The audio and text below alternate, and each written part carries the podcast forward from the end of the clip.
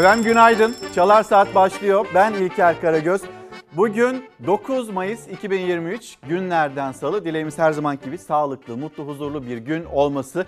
O zaman derin bir nefes alarak başlayalım mı? Yine bugüne de 9 Mayıs tarihine de şöyle bir dışarıyı gösterelim sizlere. Tarihi Yarımada'ya bakalım. İstanbul'un yeni güne nasıl başladığının notunu da saatler 7.45'i gösterirken sizlere ulaştırmış olalım. Ama sizler neredesiniz? Kendi memleketinizde durum ne? Gündeminizde ne var? Bizlere de bir yandan ulaştırmayı unutmayın. Dün e, demokrasi için demiştik. Bugünkü başlığımızda huzur için sandığa gidiyoruz. Artık böyle sayılı günler kaldı. 5'ten e, de geri sayıyoruz. 5 gün kaldı 14 Mayıs'a sandığa, seçmenin sandıkla buluşmasına.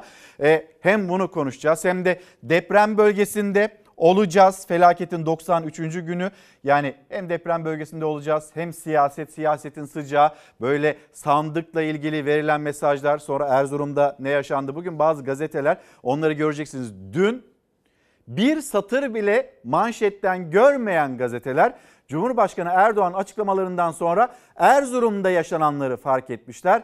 Onun takdirini de size bırakalım, değerlendirmesini de size bırakalım. Ama bizler dün yine haberlerimizi anlatmıştık, aktarmıştık. Bugün de aynı şekilde olacak. Deprem bölgesinde olacağız, kalacağız demiştik. Ben gündemle ilgili başlıklara geçmeden önce 93 gün geçti. Burada insanların yaşadığı yerle ilgili ya da hayat standartları ile ilgili, hijyenle ilgili, sağlıkla ilgili meseleleri, sorunları çözüldü mü acaba? Bir yayın da gerçekleştireceğiz ama başlangıçta maalesef acı bir haberi paylaşacağız. Sizleri Malatya'ya götüreceğiz. Çadır kent, çadır kentte çıkan yangın, elektrikli sobadan çıkan yangın ve bir evladın 4 yaşında bir çocuğun hayatını kaybetmesi. Maalesef ilk haberimiz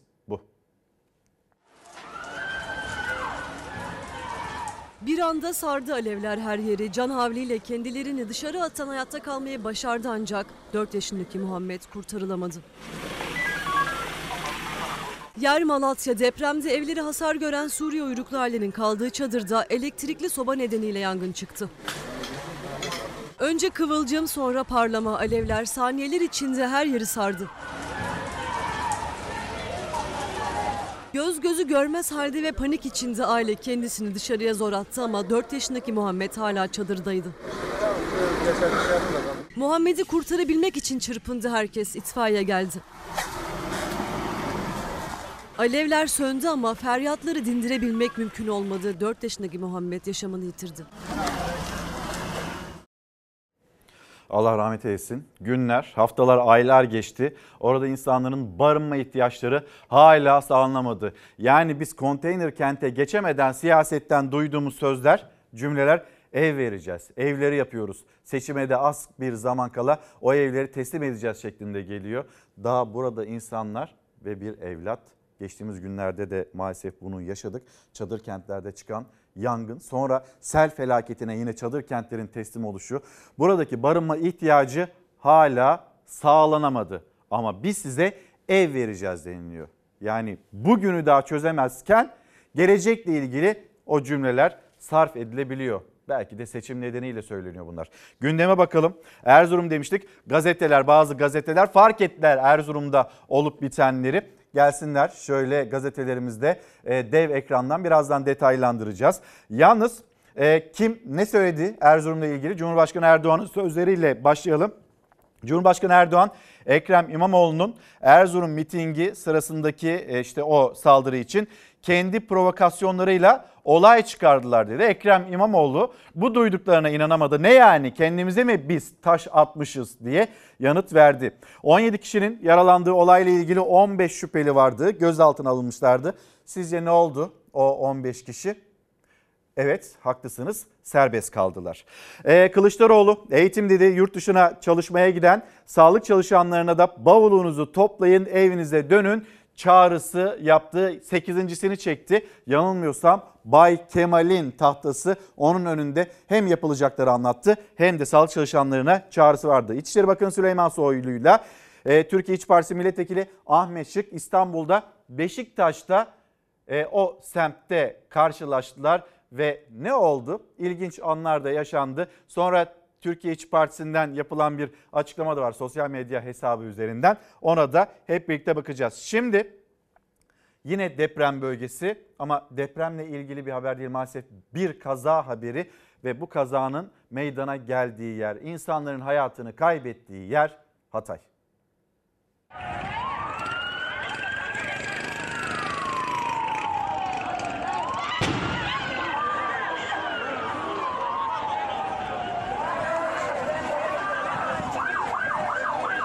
Dokuz otomobil, iki minibüsü dolduran insanlar asker uğurlaması için hazır bekliyordu. Yoldan çıkan kamyon konvoya daldı. Üçü çocuk, 13 kişinin yaşamını yitirdiği kazada 7 kişi daha son yolculuğuna uğurlandı. Hatay'ın Belen ilçesinde meydana geldi elim kaza. Hafriyat kamyonu tırla çarpıştı. Kamyonun sürücüsü direksiyon hakimiyetini kaybetti. Asker uğurlaması için hazır bekleyen konvoya çarptı.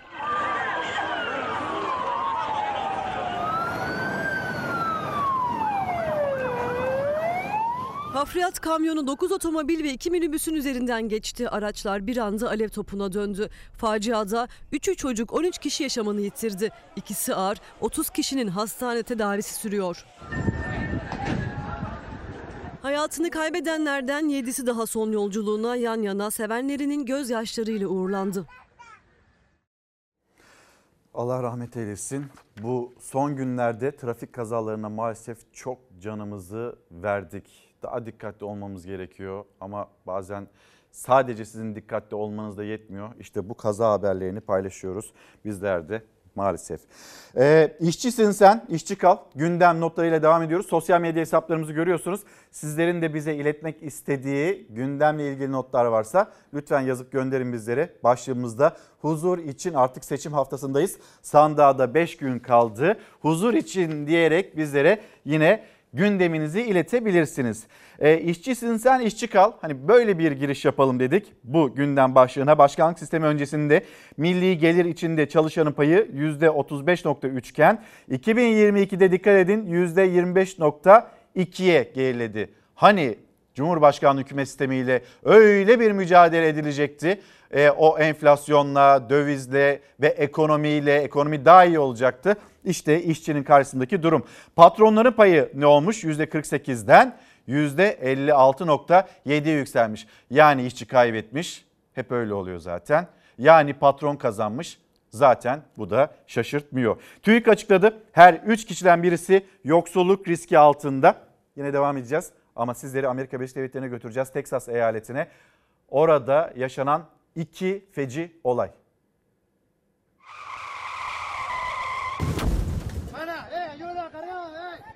Jip otobüs durağına daldı. Durakta bekleyen Venezuelalı göçmen 8 kişi hayatını kaybetti.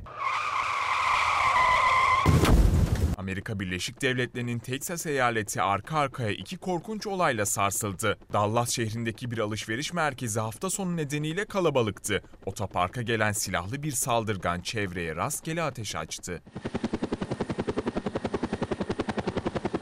Saldırıda aralarında çocukların da bulunduğu 8 kişi hayatını kaybetti. 33 yaşındaki saldırgan olay yerinde polis tarafından öldürüldü.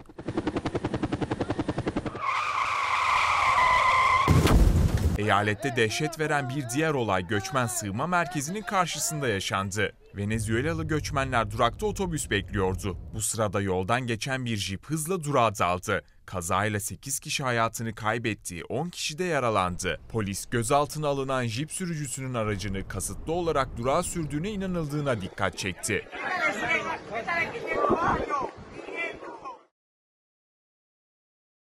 Şimdi Türkiye'nin e, öncelikle gündemi kuşkusuz seçim. Sandığa artık böyle çok az bir süre kaldı. Türkiye 14 Mayıs'ta sandık başına gidecek. Bir not iletelim. Yüksek Seçim Kurulu yurt dışında oy kullanan toplam seçmen sayısının 1 milyon 693 bin 67'ye ulaştığını duyururken diplomatik temsilciliklerde bugün oy kullanma işlemi tamamlanacak ama gümrük kapılarında yine 14 Mayıs'a kadar oylar kullanılabilecek. Seçim gündemi ve bu seçim gündeminin içinde Erzurum'da yaşananlar. Erzurum'da ne oldu? Ekrem İmamoğlu Erzurum'da miting yapacaktı. Gün içinde e, orası miting alanı değil denildi. Belediye, Büyükşehir Belediyesi tarafından götürüldü oraya o belediye otobüsleri konuldu. Tepkiler geldi belediye otobüsleri çekildi. Ekrem İmamoğlu geldi onu dinlemeye kalabalıklar geldi ve o kalabalıklara Ekrem İmamoğlu'na taş yağdırıldı. Haberi izleyelim. Sonra siyasette tepkiler var. Ekrem İmamoğlu'nun vermiş olduğu yanıtlar var. Ve Cumhurbaşkanı Erdoğan ne dedi buradaki durumla ilgili? Kendi provokasyonlarıyla olay çıkarttılar. Ekrem İmamoğlu da evet o zaman bu durumda biz kendi kendimize taş atmış oluyoruz dedi. Aldatılmış gençler olabilir. Aldatılmış yöneticiler olabilir. Taş geldi abla. Sakin bir saniye. Polisler burada yaralanan vatandaşlar var. Siz seyrediyorsunuz. Siz sakın cevap vermeyin. Burada kimi avuç insan tehlikeye atıyorlar sizi. Geriye. Biraz geriye. Biraz geriye. Emniyet müdürü, vali, hepimiz hakkında suç duyurusunda bulunacağız. Bu insanları sıkıntısını giderin. Emniyet, emniyet. Görüyorsunuz işte görüyorsunuz. Buyurun. Konuşması sırasında atılan taşlarla yere düşenler, kanlar içinde başını tutan çocuklar, yaşlılar gözlerinin önünde yaralandılar. Ekrem İmamoğlu polislere seslendi ama kimse harekete geçmedi. Erzurum mitingini yarıda kesmek zorunda kaldı İmamoğlu. O dakikalarda otobüsün camlarını indiriyordu saldırganlar. hakkında suç duyurusunda bulunacağız. Kadınların başına elinde Türk bayrağı olan insanlara bıçak sürüyorsunuz. İstanbul Büyükşehir Belediye Başkanı Ekrem İmamoğlu'nun pazar günü Erzurumlularla buluşması yaklaşık 200 kişilik grubun taşlı saldırısıyla provoke edildi. Mustafa Kemal Atatürk'ün şehri. Merhaba, merhaba. İmamoğlu sadece 4 dakika konuşabildi. Polisler, 200 kişiyi seyrediyorsunuz polisler. Bir avuç insanın tedbirini alamayan emniyet müdürü. İmamoğlu'nun otobüsün üzerine çıktığı andan itibaren önce sloganlar başladı. Sonra da pet şişeler, taşlar yağdı otobüse. Korumalar şemsiye açtı. Mitinge gelenler yaralandı. İmamoğlu'nun yakın korumasına da o anlarda taş isabet etti. Hayır hayır cevap vermeyin sevgili gençler. Tehlikeye atıyorlar sizi. Biraz geriye doğru geçin. Biraz geriye. Biraz geriye. Başkan, başkan buraya gelin. Burada, burada. burada.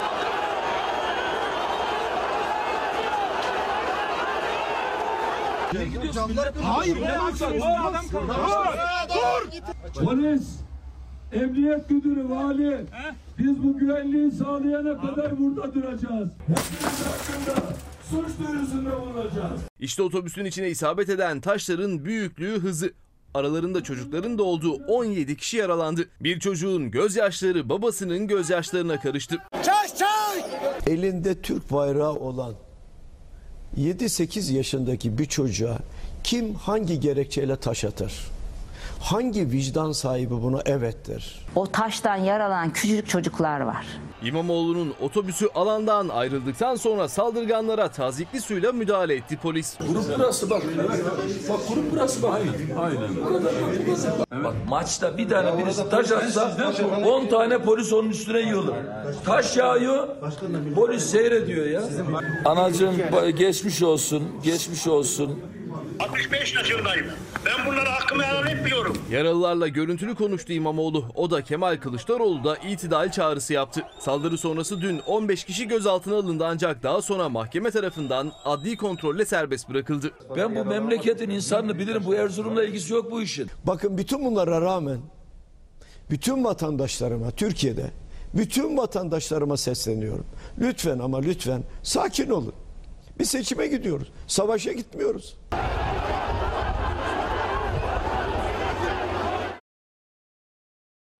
Çok basit, çok doğru bir soru var karşımızda ve Kılıçdaroğlu da bunu dillendiriyor. Elinde Türk bayrağı olan insanlara kim hangi sebeple taş atar? Çoluğa çocuğa. Sonra bu yaşananların ardından nasıl böyle bir savunmayla karşı karşıya kalırız? Hayır çok da fazla bir şey olmadı. Aslında böyle bir itişmeden bir kişi yaralandı, dikiş var başında. Başka da bir şey yok. Böyle ufak tefek ezilmeler, yaralanmalar, hastaneye başvurular bu şekilde. Ve tiyatro ve provokasyon onu yapanlar provoke edenler yine Ekrem İmamoğlu ve etrafındakiler. Yaklaşım bu şekilde geldi. Orası miting alanı değil. Miting alanı değilse herkes taşlanabiliyor o zaman. Bu memlekette böyle bir yaklaşım sergilenebiliyor. Erzurum'da o gece insanlar sokağa döküldü, kalabalıklar sokağa döküldü. Ne oldu? İşte gö- gözaltına alınanlar var. 15 kişinin gözaltına alındığı dün paylaşıldı. Akşam saatlerinde ne olduğunu yine öğrendik. Adli kontrol şartıyla serbest kaldılar. İki gazete okuyayım. O gazetelerden birisini okuma gerekçem dün hiçbir satırın yer almaması Erzurum'la ilgili. Şöyle Cumhuriyet Gazetesi kalp yapan kazanacak. İmamoğlu uğradığı taşlı saldırı sonrası Konya'da coşkuyla karşılandı ve manşet kalp yapan kazanacak. Kışkırtıcılar yargılanacak. İstenmeyen olaylar iması miting öncesinde İmamoğlu'na yönelik şeytan taşlamak isteyen anıt meydanına gidebilir paylaşımı yapıldı. İki Kızılay yöneticisi görevden alındı. Şeytan taşlamak mı? Gelelim Hürriyet gazetesine. Bir satır yoktu. 15. sayfasında yer alan bir haberdi. Ama bütün Türkiye onu konuşurken Hürriyet gazetesinin ilk sayfasında Erzurum'daki olaylarla ilgili bir satır yer almadı. Seçim şenliktir şiddet olmaz. Sağduyu cümleleri şimdi Hürriyet gazetesinin manşetinde Erzurum'da İmamoğlu'nun mitingine yapılan taşlı saldırı büyük tepki çekti. Bakanlar, parti temsilcileri ve liderler seçimin demokratik bir yarış olduğunu, şiddetin kabul edilemeyeceğini söylediler. Hürriyet gazetesi bir gün rötarla bu manşeti, bu haberi görebildi ilk sayfasından. Ve şimdi yeni haber tiyatro demişti İçişleri Bakanı. Bir de adli kontrol şartıyla serbest kalanlar var. Sizin zarar görmemeniz için, sizin zarar görmemeniz için Ne oldu sana? Taşma geldi. Saldırdılar ya. Yani şu çocuğu, şu çocuğu orada alan böyle. Hepsi diyorlar ki benim şuramda bir ağrı var. Bu ağrıyı tespit edin. Bir iddia, hiçbir şey söz konusu değil. Bir tiyatroyla karşı karşıya. Tahrik edenler kendileri. Şu çocuğu polis koruyamadı. Kimden? 100 kişi. Erzurum'daki provokasyon için tiyatro dediği İçişleri Bakanı Süleyman Soylu yaralı çocuklar, yaşlılar varken başından kanlar akan Erzurumluların hafif yaralandığını savundu. Saldırıyla ilgili gözaltına alınan 15 kişi gece saatlerinde serbest bırakıldı. Arkadaşlar bence çok başarılı bir şekilde yönetmişler. Bir kişinin kafasında o da itiş kakıştan mı olmuş yoksa kafasına bir şey mi gelmiş? Başka bir yaralı yok. İçeriden sivil insanlar oradan su şişesi atmaya başlıyorlar. Su şişesiyle başlıyor işler. İçişleri Bakanı utanmaz adam, iftiracı, yalancı ve bu adam gözü dönmüş bir şekilde gözü fırfır dönerek konuşuyor. İzin almadığı bir miting. Miting alanı olmayan bir yer. E, bin polis var. Biz sana koruma vermişiz. Orada korumaların var senin. Valinin danışmanıma verdiği cevap merak etmeyin gerekli tedbirleri aldık. Orada bir grubun toplanmakta olduğunu bize haber verdiler. Dedik ki haber verin problem var mı? Problem yok polis tedbir aldı dediler. Bu olay üzerine İl Seçim Kurulu'na size böyle bir müracaat var mı? Miting yapacağıyla ilgili herhangi bir yazılı müracaatları yok. Pazar günü gün içinde alana otobüsleri yağarak gerilimi tırmandıran Erzurum Büyükşehir Belediye Başkanı Mehmet Sekmen yetki alanında olmasa da olayların ardından İl Seçim Kurulu'na müracaat olup olmadığını sorduğunu, miting başvurusu olmadığını söyledi. Müracaat olsun olmasın taşlar yağmaya başladığında neden müdahale edilmediğine ise değinmedi. Havalimanına giderken bize topu topu bir trafik polisi eşlik etti. Bir trafik polisi.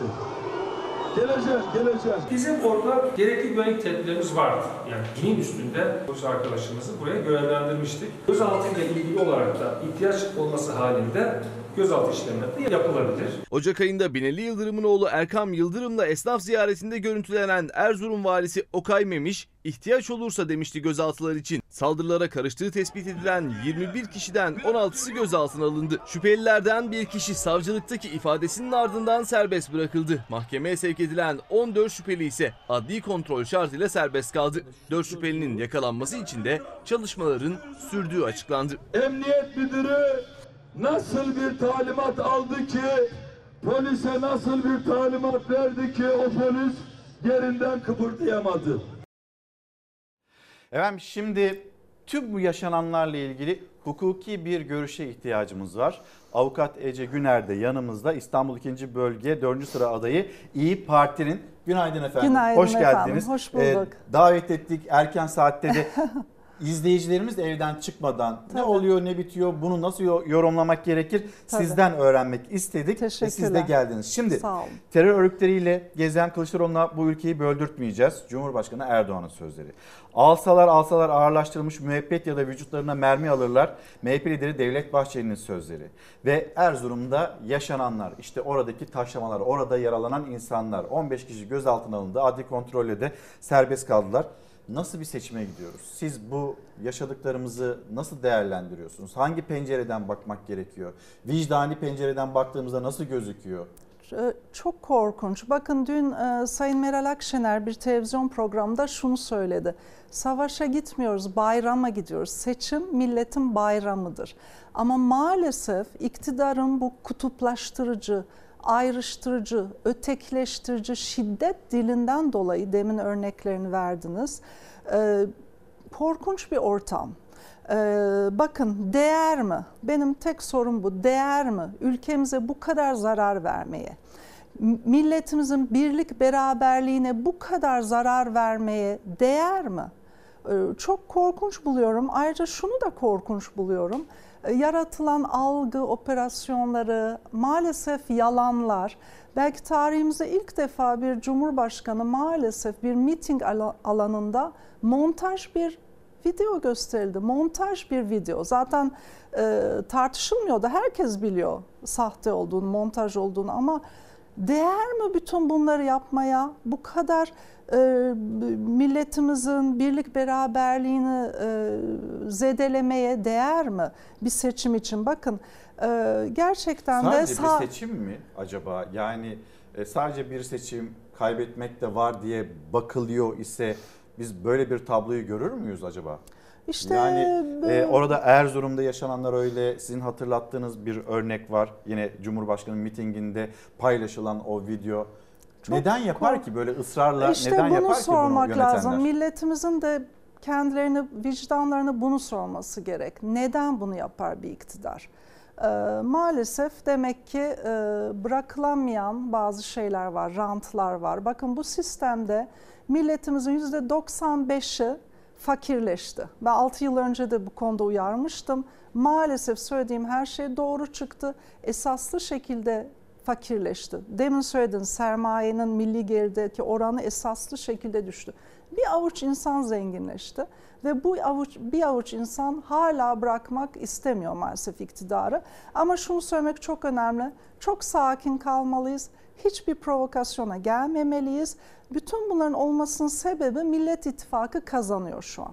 Bizim tek yapmamız gereken sakin, cesur, kararlı kalmak ve pazar günü oyumuzu vermek. Herkes oyunu vermeli lütfen ve oylarımıza sahip çıkacağız. O kadar. Her şey güzel olacak. Bu arada bir not daha şunu da gördük Erzurum olaylarında. Ee, eski, anayasamızda bu ucube sisteme geçmeden önce Adalet Bakanı, Ulaştırma ve Haberleşme Bakanı, İçişleri Bakanı hep bağımsızlardan olurdu seçim dönemi. Bu demokrasinin çok temel bir kuralı. Bunu da kaybettik bu ucube sistemle ve sonuçlarını gördük. 8 Mart günü kadınlar barışçıl bir şekilde yürüdüğünde yaka paça gözaltına alınıyorlar. Burada büyük taşlarla yürüyen insanlar var. 100-150 kişi e, ve bir şey yapılmadı yeterince. Kadınlar mı kazandıracak? Kadınlar kazandıracak Türkiye'ye, bence. Ben zaten İyi Parti'ye de bir, bir sebebi de önemli bir sebebi de bu. Ee, Bir kadın liderin yanında yer almak. Ee, Bu seçimler her zaman söylüyorum kadınlar için var olmak veya yok olmak arasında bir seçimdir. Cumhur İttifakı protokolünde kadınların kazanılmış hakları yok edilecek. Bunu her kadın anlamalı. Türkiye'de ikinci sınıf vatandaş olmak istemiyoruz. Bu yüzden de Millet İttifakı bu seçimi inşallah kazanacak. Şimdi sahanın ne söylediğini sizden duymak istiyorum. İşte esnaf ziyareti yapıyorsunuz, insanlarla yan yana geliyorsunuz. Onlar size ne söylüyor, ne anlatıyor, ne Tabii. bekliyor seçmen? Tabii. Onu alacağım. Yalnız e, Erzurum'da olup bitenlerle ilgili e, siyasette de elbette tepkiler var. Bir dinleyelim, hatırlayalım. Siyasetin dilini konuşup tamamlayalım. Sonra saha bir dip dalga var mı acaba? 14 Mayıs'ta bir sürpriz olacak mı? Konuşalım. Bütün bu olayların temel sorumlusu sarayda oturan kişidir. Kendi provokasyonlarıyla olay çıkarıp ondan sonra da utanmadan şehirlerimizi karalamaya çalışıyorlar. Bugün iş döndü CHP'liler efendim kendi kellerini taşladı diye. Şimdi bu insanlar aptal yerine koymaktır. Yönetemiyorlar onu anlatmaya çalışıyorum. Halbuki bir krizdir bu bu yönetilebilir bir şeydi. Ne diyor Sayın Cumhurbaşkanı neymiş efendim? Biz orayı provoke etmişiz. Onlara kalsa kendimize taş attırmışız. Yani nasıl gücümüz var ki kendimize taş attırırken emniyet müdürüne de talimatı ben veriyorum. Valiye de talimatı ben veriyorum.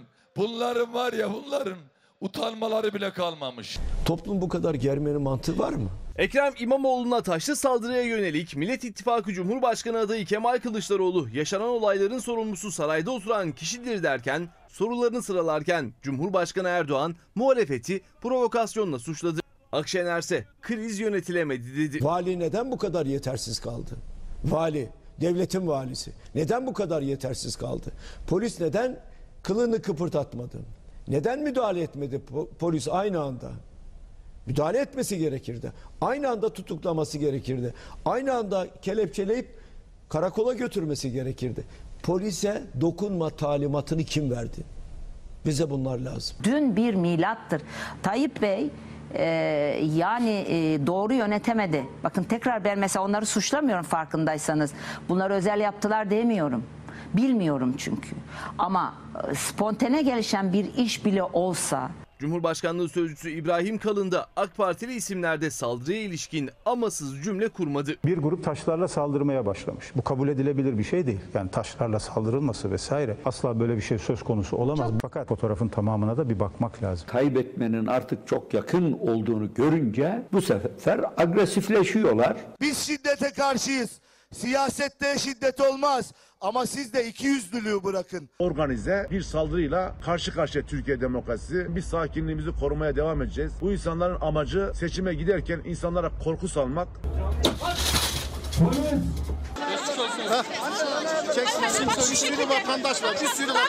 Seçim maratonunun son haftasında Erzurum'da yaşananlardan muhalefet iktidarı sorumlu tutuyor. Seçimi kaybettiklerini anlayınca o gözü dönmüş birkaç militanı milletin üstüne salanların değirmenine biz su taşımayacağız. Bu gözü dönmüşler seçimi kaybedecek. Milleti tahrik ederek buna güçleri yetmeyince tahkir ederek yaşayacakları hezimete şimdiden kılıf arıyorlar. Elinde taş olan kişiler bir anlamda bunu güvenlik güçlerinin gözetiminde yapıyorlar. dedim mi ben şimdi bunu Tayyip Erdoğan yaptırdı diye? Diyemem.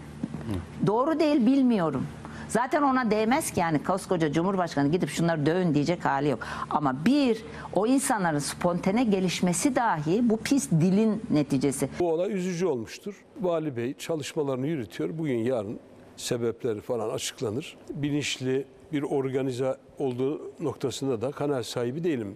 MHP'li Celal Adan saldırıların organize olmadığını söyledi. Aile ve Sosyal Politikalar Bakanı Derya Yanık'ın Ekrem İmamoğlu ve miting meydanındaki vatandaşlara taşlarla saldıranlara sahip çıkan sözlerine de muhalefet tepkili. Erzurum özellikle belli hassasiyetleri olan ve maalesef Van mitinginde HDP seçmeniyle olan flörtleşmeden sonra Erzurum'un belli bir e, tepki göstereceğini de varsaymak ve ona göre de yerel e, kurumlar gerekli güvenlik tedbirlerini dikkatli bir biçimde de almışlar. Biz savaşmıyoruz.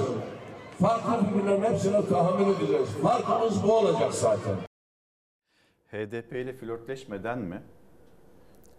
Türkiye Büyük Millet Meclisi verilen o fotoğraf unutturulmaya çalışılan anayasa değiştiği için gidildi, oturuldu, çaylar içildi, kahveler içildi. Kiminle yapıldı?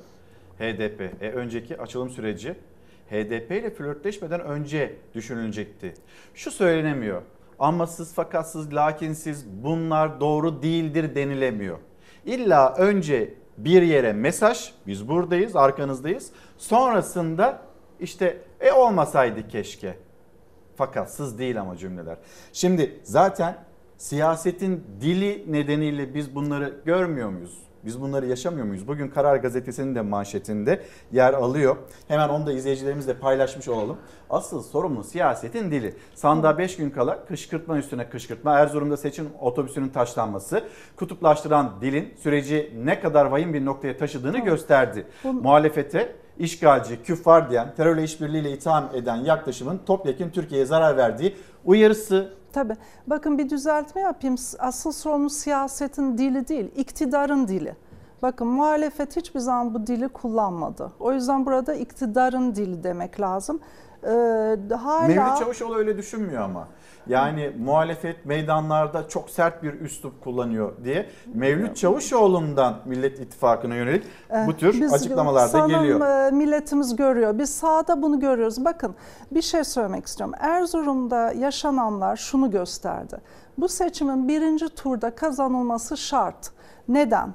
Çünkü iki hafta var iki tur arası ve Erzurum'da e, provasını gördük. Çok daha büyük maalesef provokasyonlar yapılabilir. Bu riski alamayız. Bakın sahada özellikle son 10 gün 2 haftadır şu değişimi görüyoruz. Kiminle konuşsak çoğu kişi bize diyor ki şimdi anlıyoruz Sayın Akşener'in ne yapmaya çalıştığını. Çünkü Sayın Akşener'in bütün mücadelesi birinci turda garanti bir şekilde kazanalım. Oydu bütün amacı ve Sayın İmamoğlu'nu ve Sayın Mansur Yavaş'ı koşu partneri olarak ekledi. Cumhurbaşkanı yardımcısı adayı olarak ekledi ve artık milletimiz bunu gördü. Sahada yarattığı heyecanı, e, yapacakları şeyleri Sayın İmamoğlu depremle ilgili. Bu arada benim en önemli önceliklerimden biri seçilsem İstanbul deprem yasası ama ona sonra görürüz. Sayın Mansur Yavaş'ın sosyal yardımların başına getirilmesi. E, bu çok önemli ve bunu milletimiz e, görmeye başladı. Yani birinci turda Sayın Kılıçdaroğlu'nun ve bütün ekibin Cumhurbaşkanı yardımlarıyla seçilmesi çok hayati. İkinci bir konu çok hayati ve hiç konuşulmuyor. Ben bunu konuşmak istiyorum. Önemli. Mecliste 301 milletvekilini Millet İttifakı kazanmalı. Bu neden önemli? Hep Cumhurbaşkanlığı seçimini konuşuyoruz. Ama bakın iki yıldır Millet İttifakı çalışıyor ve bu çok önemli ortak politikalar mutabakat metnini yani çok kapsamlı bir hükümet programı hem yapısal reformlar hükümet programı ve doğru para ve maliye politikaları. Bakın bunları uygulayamazsak ekonomi toparlanamaz ve kaybedecek bir günümüz bile yok. Merkez Bankası rezervleri net swap hariç eksi 65 milyar dolar.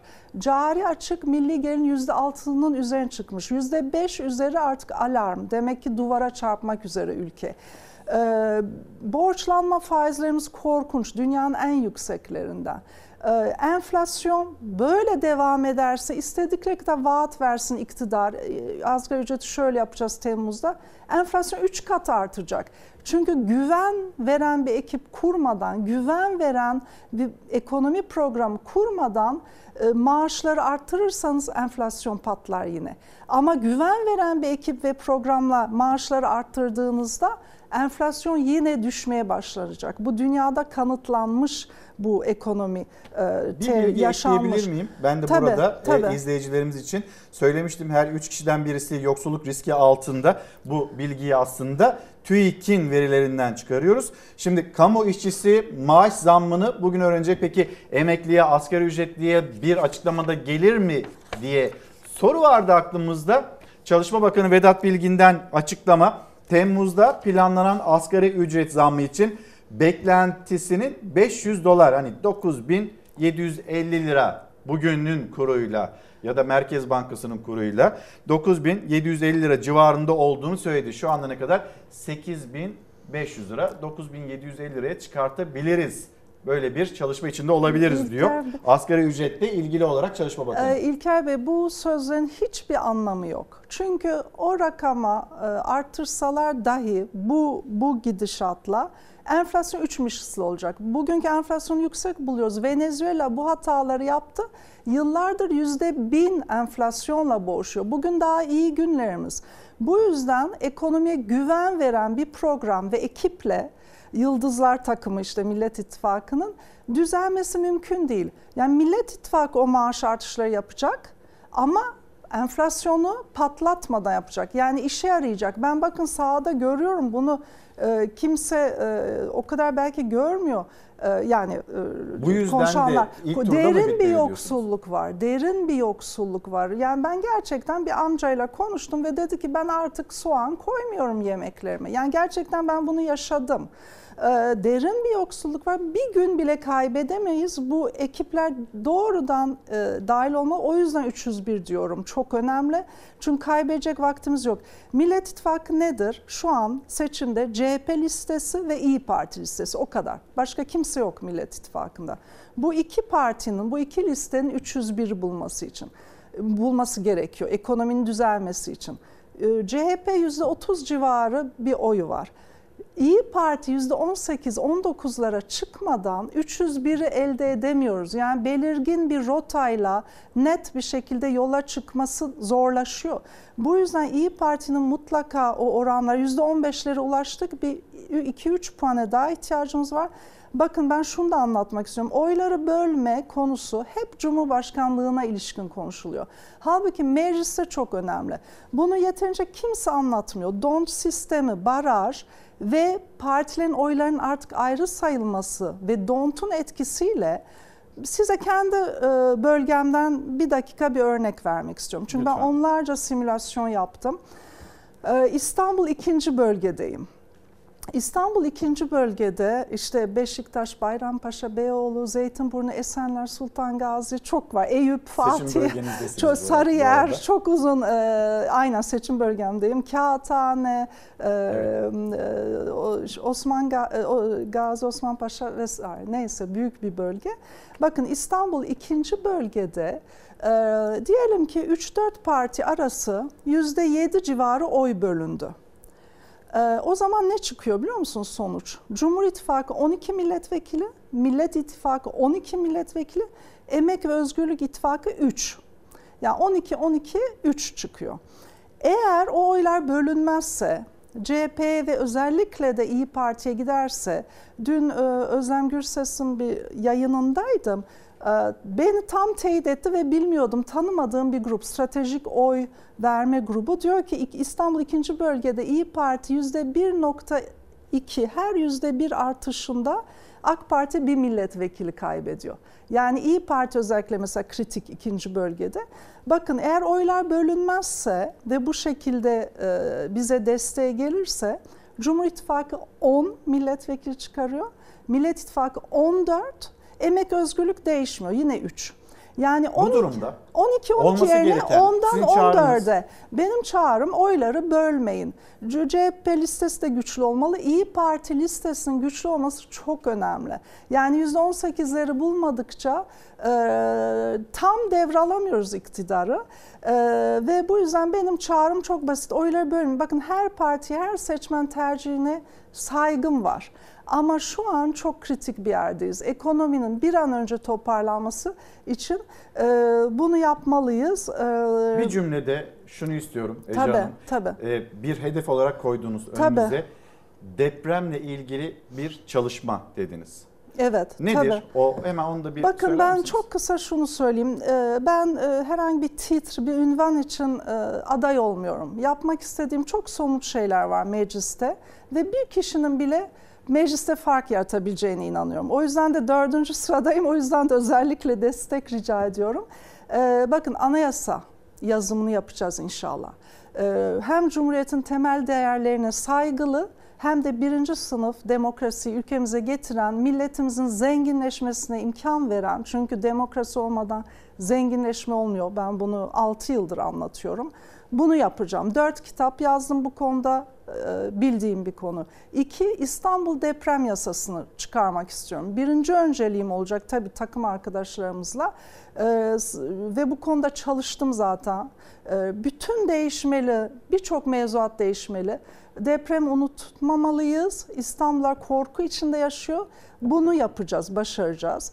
Üç kadınlarla ilgili çok konu var. Yatırımlar, 30 yıldır bu konu alanda çalışan bir insan olarak nitelikli yatırım gelmeli ki nitelikli iş olsun. Gençlerimiz iş bulsun ve iyi işler bulsun. Avrupa Birliği standart ve e, refah seviyesine çıkmak için daha doğru müzakere edeceğiz. Daha akıllıca menfaatlerimizi koruyarak ve çevre konusu benim için çok önemli. Çevre hakları. Bu konularda e, mücadele edeceğim. Vatanperverim, dürüstüm, daima dürüst kalacağım, çok çalışkanım, e, çok hizmet edeceğim. E, son bir şey söylemek istiyorum çünkü sahada çok karşılaştığımız Evet. bir şey. Bence çok kritik. İnsanlarda e, şunu da o kadar yoksullaştırıldı ki milletimiz sosyal yardımların kesilmesi korkusu var. Onu Kesilecek mi? Net bir hayır, cümle. hayır. Tabii ki. Bakın daha fazla yardım olacak. Yolsuzluk ve israfı ki devasa boyutta şu an Türkiye'de kesildiğinde daha çok para kalacak millete ve bu işin başına Sayın Mansur Yavaş olacak ki Ankara'da da İstanbul'da da ispatladık ki hiçbir ayrım yapmayacağız hiçbir insanımız arasında ve daha çok yardım yapılacak. Refah seviyesi e, son bir cümle diyorum ki bir oy Kemal'e Cumhurbaşkanı'nda bir oy Meral'e İyi Parti'ye ve Ece Meclisi İstanbul ikinci bölgede. Güzel de bir slogan Aynen bulmuşsunuz. bir Ece Hanım, slogan çok sağ olun. buldum artık. Çok sağ olun. Çok teşekkür ederiz. Ben Geldiniz, teşekkür konuk ederim. oldunuz. Yapmak istediklerinizi anlattınız. Bir yandan da e, memleketin halini anlatıyor. Avukat Ece Güner, İyi Parti İstanbul 2. Bölge 4. sıra milletvekili adayı. Bir kez daha teşekkürler. Ben Hızlı bir teşekkür şekilde ederim. de Sağ olun. reklamlar. Sağ olun. Efendim bir kez daha günaydın. Çalar Saat devam ediyor ve konuğumuz Türkiye İşçi Partisi milletvekili adayı Ankara 3. Bölge 1. sıra milletvekili adayı Ozan Bingöl. Ozan Bingöl'ü zaten sizler biliyorsunuz. Kendisi vergi uzmanı. Haberlerimizde görüyorsunuz. Sonra e, Çalar Saat'te ve programlarımızda görüyorsunuz. Görüşlerine başvuruyoruz. Neden e, Ozan Bingöl Türkiye Büyük Millet Meclisi'nde e, olmak istiyor? Kendisinden dinleyeceksiniz. Bir günaydın diyeyim. Hoş geldin. Ee, sahada karşılaştıklarını soracağım. Sahada mücadele ettiğin bir isim var. Tam da senin bölgende. Onu soracağım. Erzurum'u konuşalım. Evet. Ee, insanlar, beklentileri hepsini paylaşacağız. Yalnız yeni güne birkaç gündür biz e, motorinde, benzinde indirim haberlerini paylaşıyorduk. Belki biraz soluk olur diye de ekranlarınıza taşıyorduk. Peki bugün, bugün benzine de motorine de zam var. Araç sahiplerine kötü haber geldi. Motorine 66, benzine 43 kuruş zam yapıldı. Petrol fiyatlarındaki gerilemeyle birlikte akaryakıt fiyatlarında indirime gidildi. Ancak o indirim rüzgarı uzun sürmedi dindi. Takvimler 8 Mayıs'tan 9 Mayıs'a döndüğü anda akaryakıt istasyonlarında fiyat tabelaları değişti. Motorine 66 kuruş, benzine 43 kuruş zam yapıldı. Gelen zam sonrası İstanbul'da benzinin litresi ortalama 19 lira 81 kuruşa, Ankara'da ortalama 20 lira 16 kuruşa, İzmir'de ise ortalama 20 lira 15 kuruşa yükseldi. 66 kuruşluk zam sonrası motorinin litre fiyatı ise İstanbul'da ortalama 18 lira 58 kuruşa, Ankara'da ortalama 18 lira 94 kuruşa, İzmir'de ise ortalama 19 lira 4 kuruşa yükseldi. Karadeniz'de doğalgazı bulduk, Gabar'da petrolü bulduk ve şimdi yeniden hayatımıza zamlar gelmeye mi başladı ya da başlayacak? Ne dersiniz? Öncelikle şu suni gündemlerden kurtulmak gerekir. Ülkenin temel sorunu İlker, açlık sınırının altındaki asgari ücret, 19 liraya dayanmış akaryakıt, 20 liraya dayanmış döviz kuru ve alım gücünün her gün düşmesi. Artık diğer suni gündemleri bir kenara bırakmak gerekir. Yani seçim yaklaştıkça şunu söylemekte yarar var. Ülkenin en temel gündemlerinden biri ekonomi, biri vatandaşın her geçen gün düşen alım gücü, yoksullaştırılması, her geçen gün daha da fakirleştirilmesi. Üzerimizdeki vergi yükü Ve belki. vergi yükü tabii ki. Şimdi e, bunlara girmeden önce ben şunu söylemek istiyorum. E, Türkiye İşçi Partisi'nden e, bir milletvekili e, adayı oldum. E, öncelikle başta sana, e, Doğan Şentürk'e ve Fox TV ailesine çok teşekkür ederim. Çünkü son bir ayda yaşadıklarımızı tüm Türkiye İşçi Partisi adayları olarak şunu söylemekte e, e, herhangi bir sorun görmüyorum. Maalesef kendine muhalifim diyen kimi kanallar, kimi medya organları bütün Türkiye İşçi Partisi adaylarının yayınlarını kestiler. E, medya bölümünün önüne geçtiler. Ama buna e, şöyle Yani söylemek şimdi gerekir. Hani siz bir yerde çıkmak istiyorsunuz, anlatmak istiyorsunuz. Kampanyanızda anlatmak e, istiyorsunuz bir yandan da. E, Ama tabii. çıkamıyor musunuz? E tabi maalesef kesildi. Kendine muhalifim diyen kanallar, yayın organları yaptı bunu. Neyse. Şimdi şunu şunu bir daha söyleyelim. Fox TV ailesine çok teşekkür ederiz. Çünkü neyi öğrendik bir kez daha? Bağımsız medyanın önemini. Şimdi geçelim öbür tarafa. Sevgili İlker, her gün fakirleşen bir e, halk var. Alım gücü düşen, her gün yoksullaşan ama her gün yoksullaşırken azalan kişi başına e, kişi başına gelir azalırken birilerinin porsiyonları büyüyor ama. Farkındaysan. Bir tane veri var. Bugün e, izleyicilerimizle de paylaştım. E, hem de gündemin başlangıcında. Yani şöyle bir yaklaşım sergileniyor. İşçisin sen, işçi kal. Başkanlık sistemi öncesinde milli gelir içinde çalışanın payı %35.3 iken 2022'de karşımızda %25.2'lik bir tablo var. Yani geriledi işçinin milli gelirden aldığı pay. Peki patronlar? Benim- Patronlar hep kazanıyor. Hemen bir örnek verelim. Çok enteresan. TÜİK'in yeni ya- e, geçtiğimiz günlerde yayımladığı bir veri var sevgili İlker. E, bu gelir dağılımıyla alakalı bir veri. Son 10 yılda en yüksek oranda en zengin %20'nin milli gelirden aldığı pay. %48'e ulaştı. %46.7'den %48'e çıktı. En zengin %20'nin milli gelirden aldığı pay. Oysa en yoksul %20'nin milli gelirden aldığı pay ise 6.1'den 6'ya düştü. Yani küçük bir azınlık mutlu olsun diye büyük bir çoğunluk yoksullukla, açlıkla, sefaletle mücadele etmeye devam ediyor. Yani %48'i son 10 yılda ilk defa görüyoruz. Daha e, kötü bir örnek, daha beter bir veri var elimizde aslında. Nedir? En zengin %10'la en yoksul %10 arasındaki fark 14.2 kat. Yani Türkiye'de en zengin %10'un en yoksul %10'dan o arasındaki milli gelirden aldığı payın farkı 14.2 kat. Artık söyleyecek söz kalmamıştır. Orta direk kalmamıştır zaten. Şimdi burada zengin daha zengin, fakir daha fakir desek herhalde yanlış olmayacak. Enflasyondan milli gelire, ekonomideki tüm endeksleri patlatan modelin dar gelirlinin cebini erittiği işte TÜİK'in verileriyle de karşımıza çıkıyor. Bu arada Çalışma Bakanı'ndan bir açıklama var bir kez daha söyleyeyim. Evet. E, Temmuz ayında bir düzenleme yapılacağı söyleniyor asgari ücreti de 500 dolar seviyesinde yani e, 8500 lira şu anda asgari ücret ve 9750 işte o günkü kura göre bu seviyelerde olacağı söyleniyor. Yeter mi?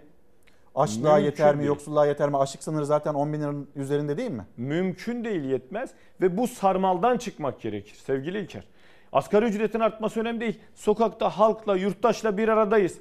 Şunu söyleyen birçok yurttaşa denk geldim. Yani bundan birkaç sene önce 2825 lirayken asgari ücret daha mutluyduk. Niye? Alım gücümüz vardı çünkü. Yani demek ki asgari, ücret, asgari ücreti bu anlamda arttırmak sadece yeterli değil. Halkın alım gücünü korumak gerekir. Yani halkın bu anlamda alım gücünü korumak gerekir. Enflasyonu düşürmek gerekir. Yanlış politikalardan kurtulmak gerekir. Ama burada maalesef son dönemde bilinçli ve kasıtlı yaratılan bir yoksulluk var. Neden? Çok basit bir örnek vereyim. Geçtiğimiz yıl bütçeden hem bütçeden hem Mer- Merkez Bankası'ndan bir avuç varsıla 200 milyar lira üzerinde para ödendi kur korumalı mevduat nedeniyle. Aynı yıl bütçede tarım ve hayvancılık için verilen destek tutarı toplam 40 milyarı bulmadı. Beşte biri kadar. O zaman bugün soğan 30 lira da olur, et 300 lira da olur. Çünkü sizin tercih ettiğiniz politikalar maalesef emekten, üretenden, çiftçiden yana değil, sermayeden yana olduğu için. Neden böyle bir şeyi tercih eder ki iktidar? Yani ikti- niye vatandaşının daha yoksul olmasını ister? İktidar bir avuç e, azınlığın mutlu olmasını tercih ettiği için. Yani iktidarın tercihi zaten bu anlamda ekonomi politikaları, Ama vergi politikaları iktidarın kimden ya da neden yana olduğunu gösteren en net göstergelerden biridir. Şimdi bir de iktidarın artık sosyal adalet, vergi adaleti, gelir adaleti gibi bir anlayışı kalmadı sevgili İlker. Geçtiğimiz günlerde bir doğalgaz yardımından bahsedildi. Evet. Yaklaşık maliyetinin 40 milyar lira olduğu söyleniyor. Söylendi, doğru. Şimdi bir tane örnek vermek istiyorum. Yani bugün aylık geliri 200 bin lira olan bir e, bankanın genel müdürü de aynı doğalgaz yardımından faydalanıyor. 8500 lirayla asgari ücretle 7500 lira emekli maaşıyla ayakta kalmaya çalışan bir aile de aynı doğalgaz yardımından faydalanıyor. E burada adaletten bahsedebilir miyiz? Ya bu kadar basit bir matematik hesabı bile artık dikkate alınmıyor. Çünkü iktidarın Ya da artık yapılamıyor mu? Hayır hayır bilinçli olarak dikkate alınmıyor. Çünkü artık iktidarın dar gelirli, asgari ücretli, çiftçi, işçi, memur artık umurunda değil. Çünkü çok basit bir matematik hesabı söylüyorum. Yani aylık 200 bin geliriniz var sizin. Ee, siz de aynı doğalgaz yardımından faydalanıyorsunuz. 8500 lirayla örneğin ya İstanbul'da artık bu parayla bazen soruyorlar yani nasıl geçinebilir? Valla inan sevgili İlker 8500 lirayla bir asgari ücretlinin İstanbul'da nasıl geçinebildiğini bilimle izah etmek mümkün değil. Geçinemiyorlar. Mümkün zaten. değil tabii ki. Şimdi İstanbul dedin. Ee, bir Beşiktaş'a gidelim. Ee, Türkiye İşçi Partisi milletvekili ve milletvekili adayı Ahmet Şık'la İçişleri Bakanı Süleyman Soylu Beşiktaş'ta semtte nasıl karşılaştılar? Bir o görüntüyü izleyelim. Sonrasında tipin yapmış olduğu sosyal medya üzerinden yapmış olduğu açıklama var. Peki Ozan Bingöl, e, tipin milletvekili adayları onlar sahada neyi gözlemliyor ve devletin imkanlarının karşısında nasıl bir kampanya yürütüyor? Çok teşekkür ediyoruz. Sevginize ve ilginize teşekkür ediyorum. Sağ olun.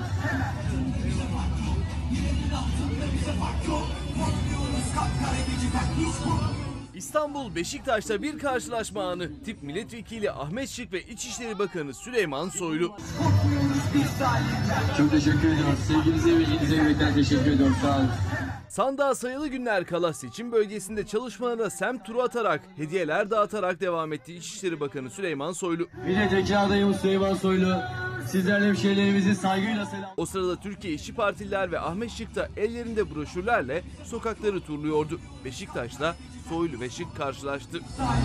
Çok teşekkür ediyoruz. Sevginize ve ilginize yürekten teşekkür ediyorum. Sağ olun. Ellerindeki seçim broşürlerini Soylu'ya gösterdiler. İçişleri Bakanı gördü güldü. Onlara doğru hediyelikleri fırlatmaya devam etti. Parmağıyla işaret edip bir şeyler de söyledi ama yüksek sesten ne dediği anlaşılamadı. Milletvekili adayımız Süleyman Soylu. Türkiye İşçi Partisi o anı sosyal medya hesabından bizden kaçamazsınız her yerdeyiz hesap vereceksiniz notuyla paylaştı. Ahmet Şık da yargılanacaksın bir tanesinin notunu düştü. Çok teşekkür ediyoruz. Sevginize ve ilginize yürekten teşekkür ediyorum. Sağ olun. Ahmet Şık'la Süleyman Soylu rakip. İşte bir tarafta o otobüs bangır bangır sesler, diğer tarafta semti adımlayarak kampanyasını yürütmeye çalışan e, Türkiye İşçi Partililer ve milletvekili adayı. Senin rakibin kim? Cumhurbaşkanı Yardımcısı Fuat Oktay. Ee, şimdi ya bu seçimde böyle bir adil e, yarıştan, rekabet eşitliğinden bahsedebilir miyiz İlker? Bir tarafta Cumhurbaşkanı Yardımcısı var. Altında makam arabaları, kamu kaynakları, hazine yardımları, hesapsız makam harcamaları. Bir tarafta da canla başla yürüttüğümüz, gençlerle, genç e, arkadaşlarımızla yürüttüğümüz bir mücadele var. Ama bu mücadelede biz bir tek şeye inandık. Halkın vicdanına, halkın iradesine ve halkın oyuna. Ayrıca mücadele sadece sahada olduğu göründüğü gibi de değil bu arada. Çok e, ilk defa burada söyleyeceğim senin yayınında. Ben Türkiye İşçi Partisi'ne milletvekili adayı olduğumu, e, daha doğrusu bu adaylığım açıklandığı gün başka bir olayda yaşadık biz. Ne oldu? Benim e, bu anlamda e, yani şunu söylemekte yarar var. E, eşim e, birkaç yıldır bakanlıkta, Milli Eğitim Bakanlığı'nda görevlendirme e, ile çalışıyordu. Adaylığım açıklandıktan sonra üzerinden daha 24 saat geçmeden bakanlıktaki görevlendirmesi sonlandırıldı. Yani Milli Eğitim Bakanlığı'nı tarikatlara, cemaatlere teslim edenler, 6 yaşındaki bir kız çocuğunun evlendirilmesine göz yumanlar, gıkını çıkartmayanlar benim adaylığım açıklandıktan sonra daha 24 saat geçmeden eşimin bakanlıktaki görevlendirmesini sonlandırdılar. Şimdi Sürüldü mü? e, tekrar okuluna gönderildi. Başka yere Orada, gönderildi. Tabii. Şimdi şunu söylüyorum ben. Burada biz adil rekabetten bahsedebilir miyiz? Orada bu işi yapanlar, burada sorumlu olanlar şunu bilsinler ki biz korkmayacağız, sinmeyeceğiz. Çalışmaya devam edeceğiz. Şunu da unutmasınlar. Ben zaten eğer korkutmayı, sindirmeyi planlıyorlarsa ben korkuyu 12 yaşımda Madımak'ta bıraktım zaten. Şunu da söyleyeceğim. Hepsinden de ayrıca bunun sorumlularından da hesabı geldiğinde, yeri geldiğinde, zamanı geldiğinde sorulacak. Çünkü siyaset bir seçim ortamı. Herkes seçme ve seçilme demokrasinin vazgeçilmezse vazgeçilmezi. Burada adil bir rekabetten, rekabet eşitliğinden bahsetmek gerekir.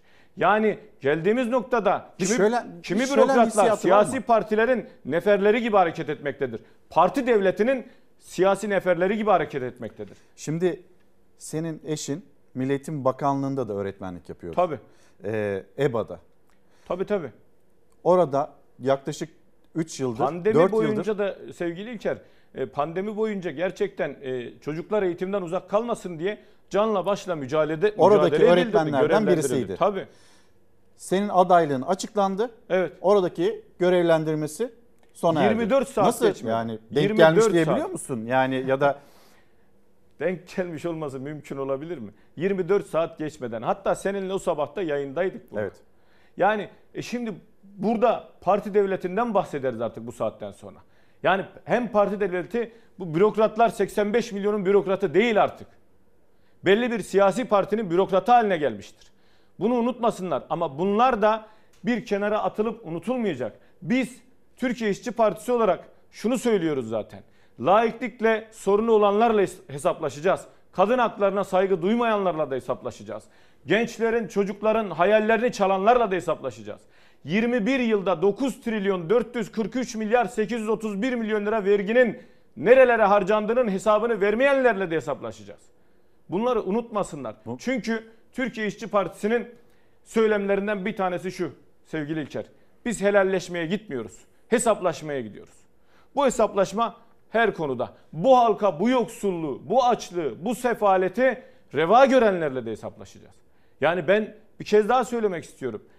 21 yılda ortalama dolar kuruyla 2 trilyon 563 milyar dolar vergi toplanmış. 60 milyar doların üzerinde özelleştirme geliri elde edilmiş. Geldiğimiz noktada yani 2,5 trilyon doların üzerinde verginin toplandığı bir coğrafyada açlık olur mu? Yokluk olur mu? Yoksulluk olur mu? Olmaz. Varsa ada yani eğer bunlardan herhangi biri varsa orada paylaşım ve bölüşüm sorunu vardır. Şunu da çok net söyleyeyim. Bir ülkede yoksulluk varsa yolsuzluk da var demektir. Hiç eğip bükmeden söyleyelim.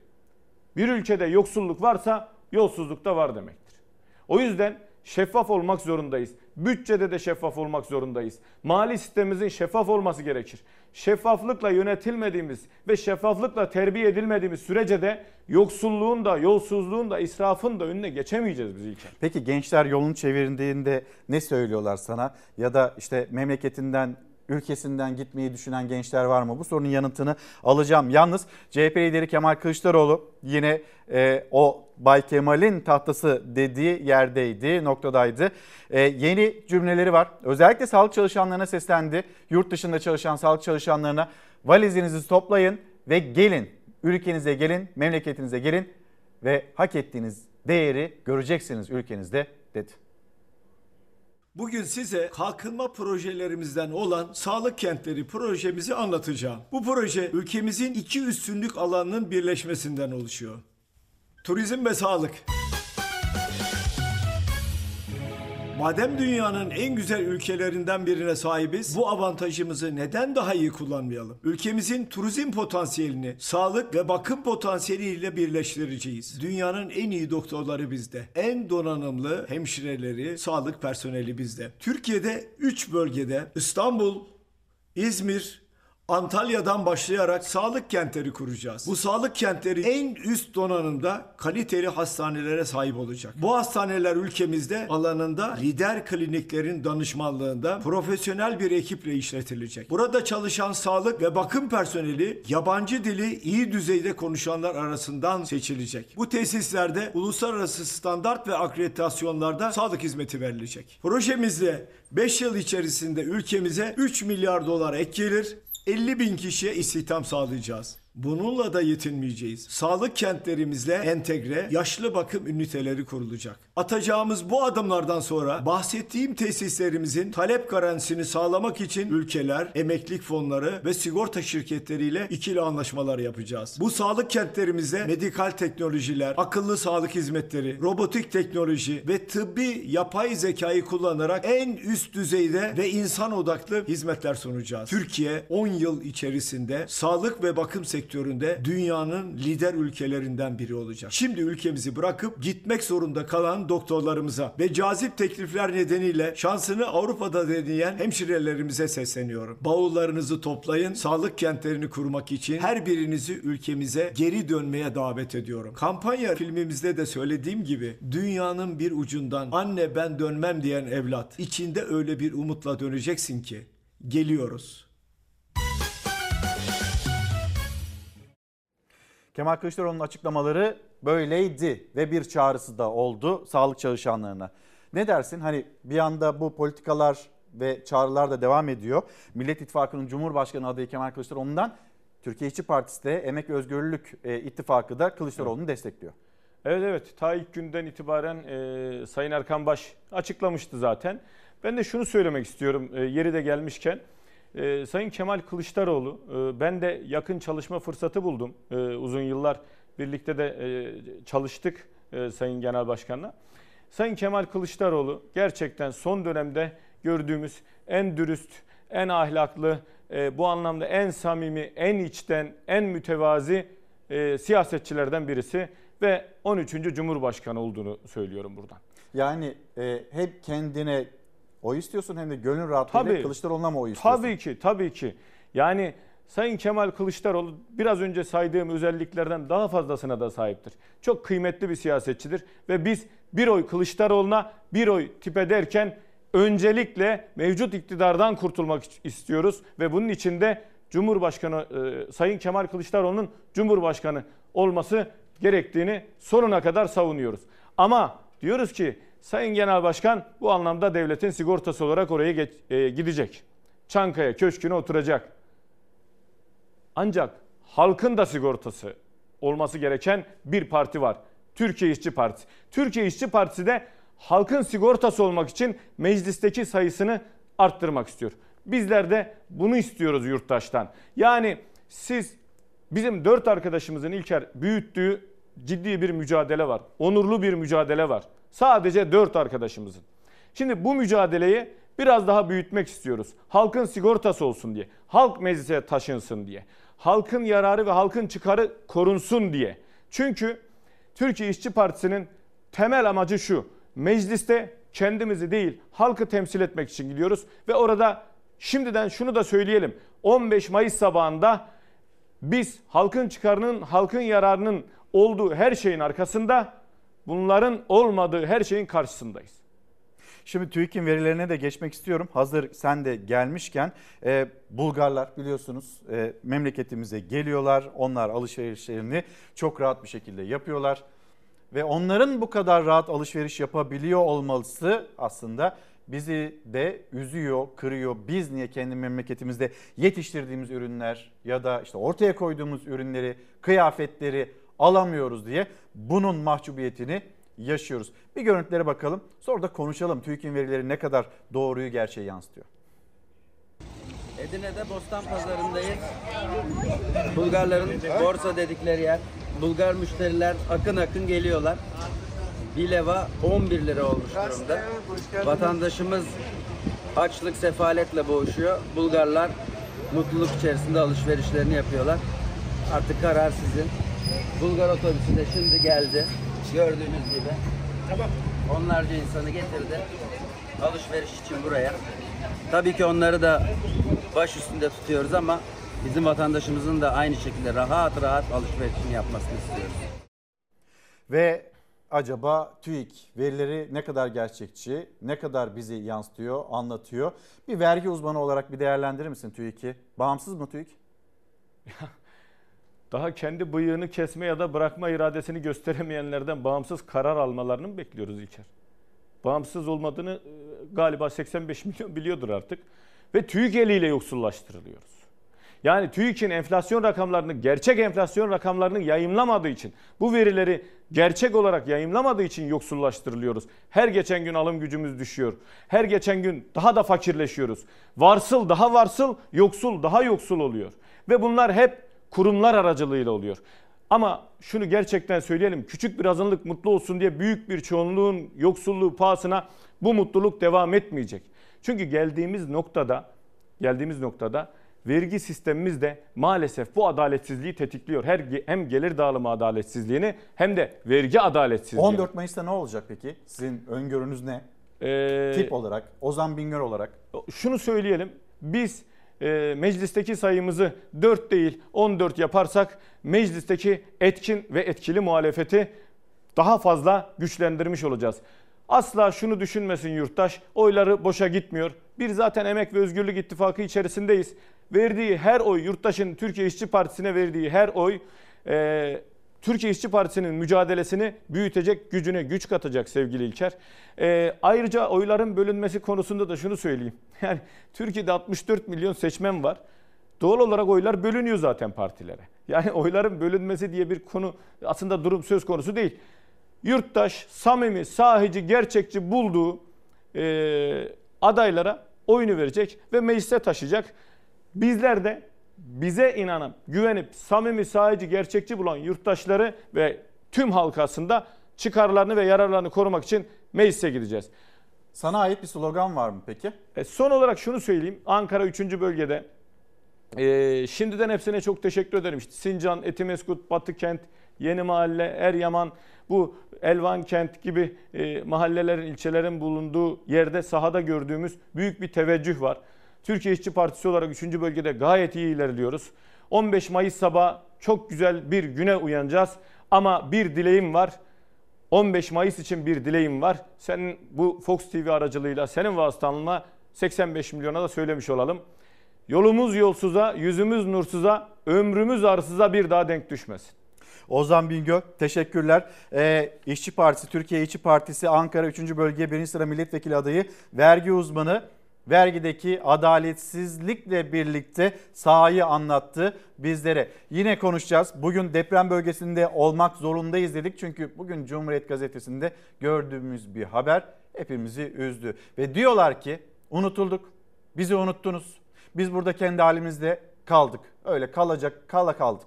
Ve Malatya'da bugün daha çalar saatin başlangıcında 4 yaşındaki bir çocuğun hayatını kaybettiğini, çadır kenti hayatını kaybettiğinin haberini paylaştık. O zaman deprem bölgesine gidelim. Deprem bölgesinde bizleri Cumhuriyet Halk Partisi Genel Başkan Yardımcısı Ali Öztunç bekliyor. Ali Bey günaydın. Beni duyabiliyor musunuz evet, günaydın, rahatça? günaydın. Duyuyorum İlker Bey, günaydın. Ali Bey e, depremzedeler unutulduk diyor. Doğru, doğru. Yani depremin ilk günlerinde evet toplumumuzun büyük bir kısmı, Türkiye'nin dört bir yandan yurttaşlarımız bize yardıma koştular. E, iki suyu olan bir suyunu bize gönderdi, doğru. E, o e, hassasiyet günden güne eridikçe eridi ve e, şu anda depremzede e, kendisiyle baş başa kaldı. Maalesef unutuldu. Sadece toplum değil, devlet de unuttu. Yani seçimin verdiği bir muhtemelen e, telaştan dolayıdır ya da zamanla işte bu sürecin e, geçmesiyle birlikte e, bu bölgeye gelen yardımların bitmesinden dolayıdır belki ama e, sonuçta bir unutkanlık var. Burada insanlar kendi kaderleriyle baş başa kaldılar. Bakıyorsunuz artık eskisi gibi buraya ilgi alaka yok. Gündemde yok, kamuoyunun gündeminde yok, medyanın gündeminde yok. Oysa burada hayat zorluğu devam ediyor hem de artarak devam ediyor. Yani ilk günlerde evet enkaz kaldırma çalışmaları vardı.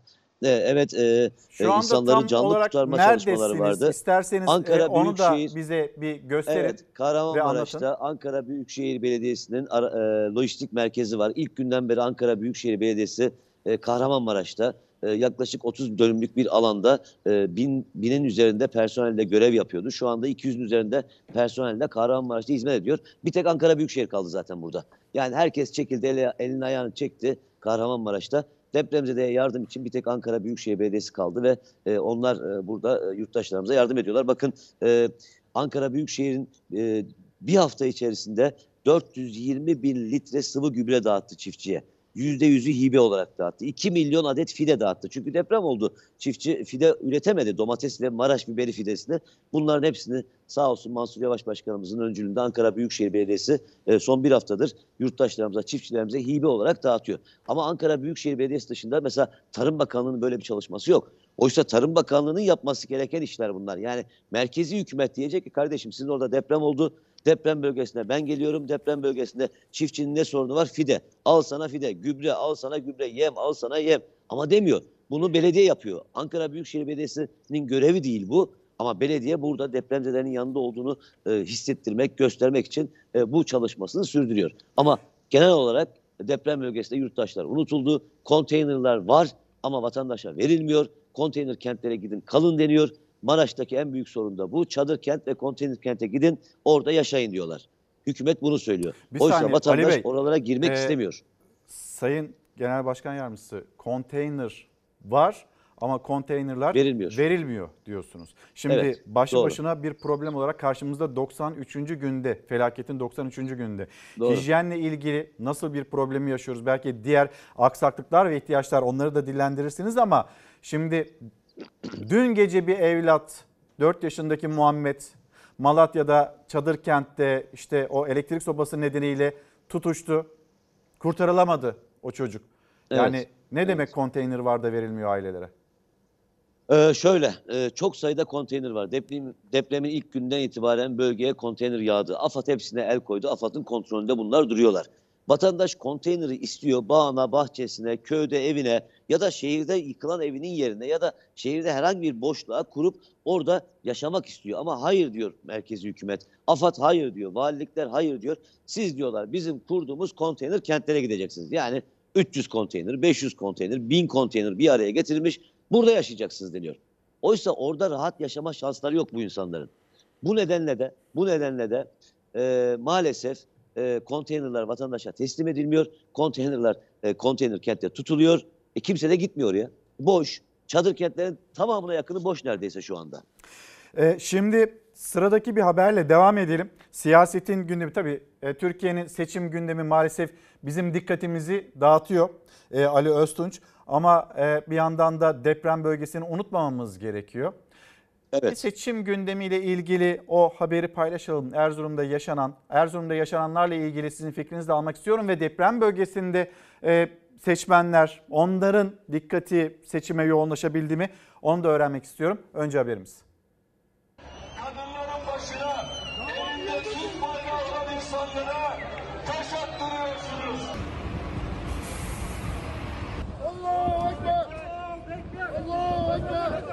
Ekrem İmamoğlu'nun Erzurum mitinginin birkaç saat öncesi alan belediye otobüsleriyle dolu. Erzurum Büyükşehir Belediyesi çok sayıda otobüsü miting yapılacak alana park etti. Pazar günü gün boyunca artan gerginliğin ayak sesleriydi. CHP'liler ve İmamoğlu henüz Erzurum buluşması gerçekleşmeden uyarılarda bulundu.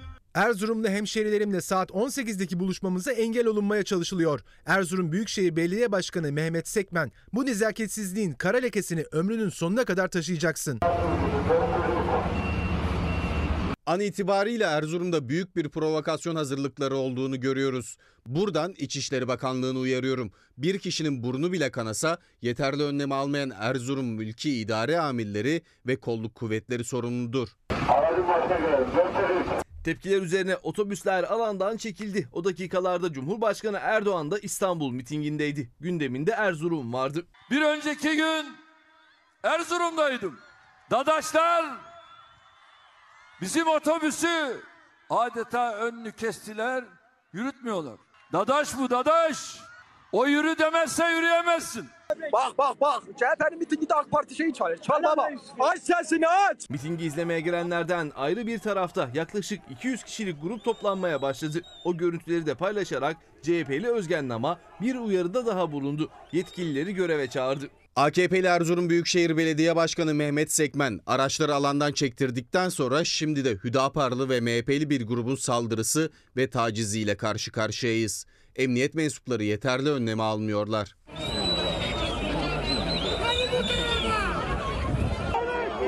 Bakın sizin sizin zarar görmemeniz için sizin zarar görmemeniz için biraz geriye biraz geriye tamam sakin sakin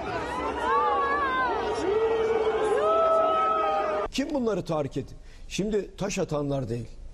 Onlara taşı attıranları ben istiyorum. Kim onlara taş atın diye talimat verdi? Kim onlara emir verdi?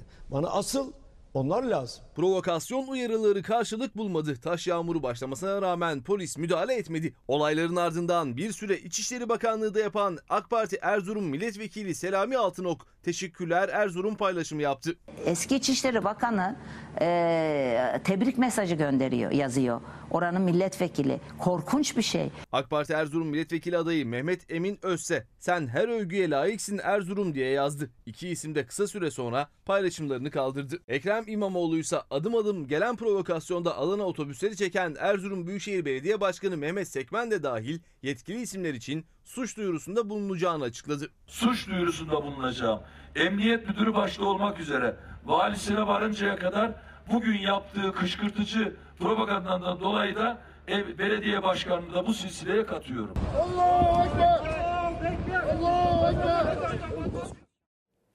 Mağdur olan Ekrem İmamoğlu ama provokasyonla suçlanan da yine kendisi oldu. Tiyatro denildi İçişleri Bakanı e, Süleyman Soylu tarafından. Siz ne dersiniz bu yaşananlara? Yani yani komedi, tiyatro denmesi komedi. Olay vahim bir olay. Düşünebiliyor musunuz? Biz seçime gidiyoruz. Savaşa gitmiyoruz arkadaş. Seçime gidiyoruz ya. Demokrasinin gereğini yapmaya gidiyoruz. Seçime giderken her siyasetçi istediği her yerde miting yapma hakkına sahiptir. Gidecek miting yapacak, kendisine anlatacak. E bunu yaparken Erzurum'da bir kışkırtma. Erzurum'la ilgisi yok bunun. Erzurumlu ile ilgisi yok. Belli ki birileri Ankara'dan düğmeye basmışlar. Ankara'dan talimat vermişler ve bu kışkırtmayı yapmışlar. Ama Kiminle Türk ilgisi bunun? için çok Ali büyük Bey, bir ayıp.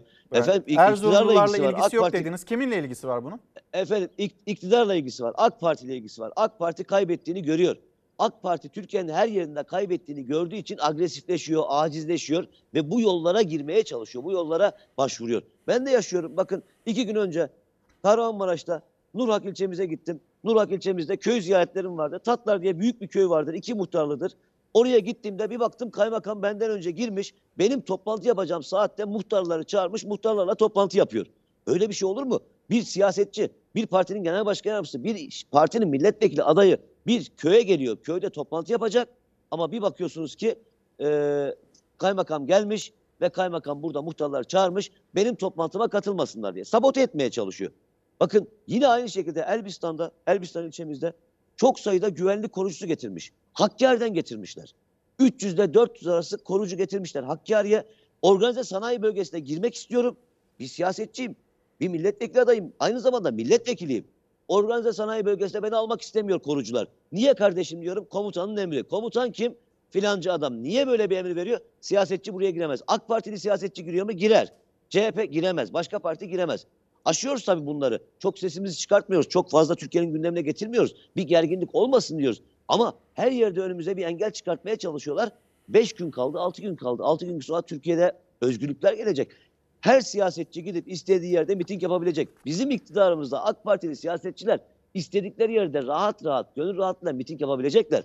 Ama bakıyorsunuz AK Parti e, bunları kaşıyor. AK Partililer bunları e, bu tip olaylara Peki sebep 15 oluyorlar. 15 Kaybettiklerini görüyorlar Mayıs'ta çünkü. depremzede için ne değişecek ve depremzedeler hani oradaki seçmenler dikkatleri seçimde mi değil mi nasıl oy kullanacaklar bir endişeniz var mıdır? Son sorum da bu olsun. Ee, burada seçim havası yok İlker Bey. Onu söyleyeyim. Seçim havası yok. Yani öyle kampanyalar, müzikler, otobüsler, bayraklar, flamalar böyle bir şey yok şu anda. Herkes kendi derdinde çünkü. Depremzede daha çok e, nasıl yaşamımı geçiririm, bir başımı sokacak yer nasıl bulurum onun derdine düşmüş durumda. Ama 15 Mayıs'ta, 14 Mayıs'tan sonra inşallah onlar için her şey güzel olacak diyoruz. Çünkü biz çok net vaat ediyoruz.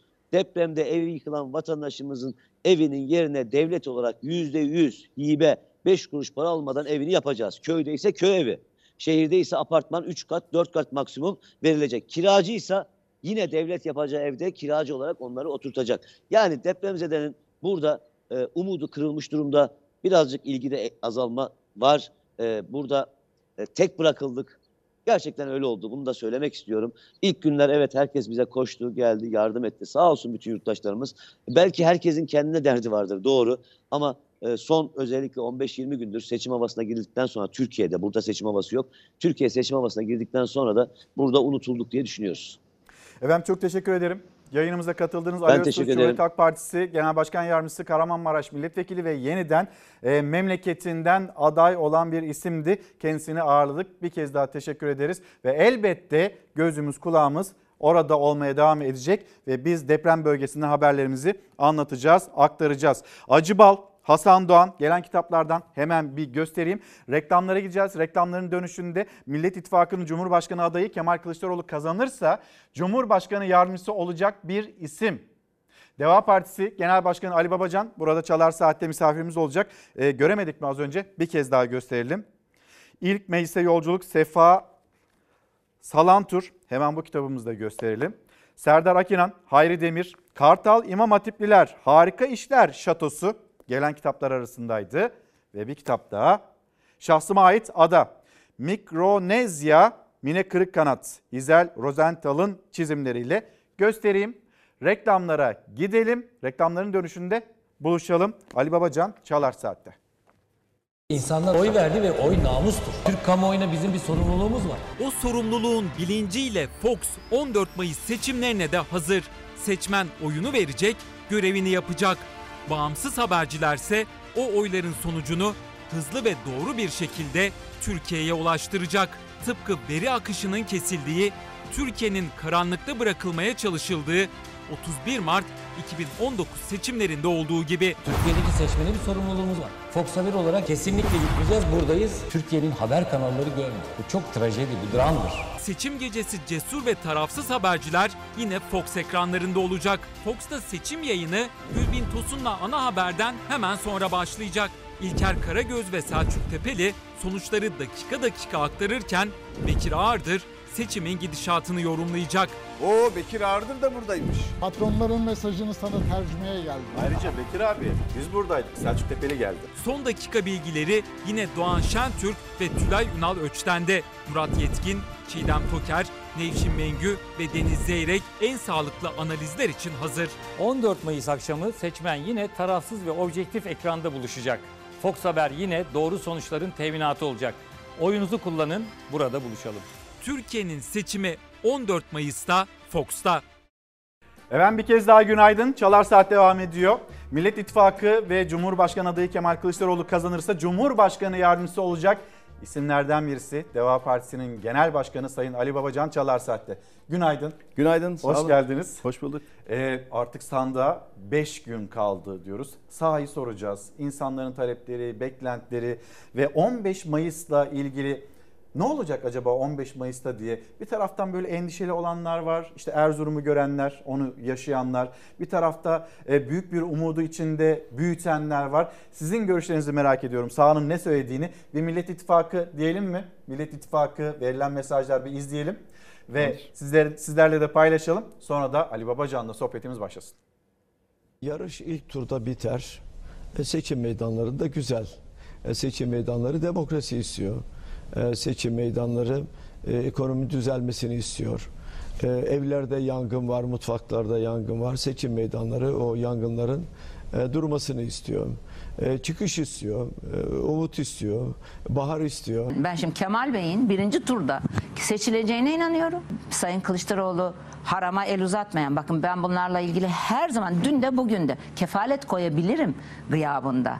Harama el uzatmayan, e, kul hakkı yani bugüne kadar parasal üçkağıt açısından hakkında hiç dedikodu çıkmamış. Buna aşırı da çoluğu çocuğuyla ilgili aşırı dikkatli bir devlet insanı. Millet İttifakı liderleri iddialı konuştu. Seçim ilk turda Kılıçdaroğlu lehine bitecek dediler. Akşener Erzurum'da yaşanan provokasyon sonrası millet kararını verdi diye konuştu. Sayın Erdoğan'ın e, Cumhurbaşkanlığını kaybettiği dün tescillendi ve vatandaş birinci turda bu işi bitirme kararı aldı. Ben bugün e, Adana'da yürür şey el sallayarak gezerken gördüğümü söylüyorum. Allah'ına kurban Adana derler değil mi? Adana değişime hazır mı? Dönüşüme hazır mı? Alın terinin hakkını vermeye hazır mı?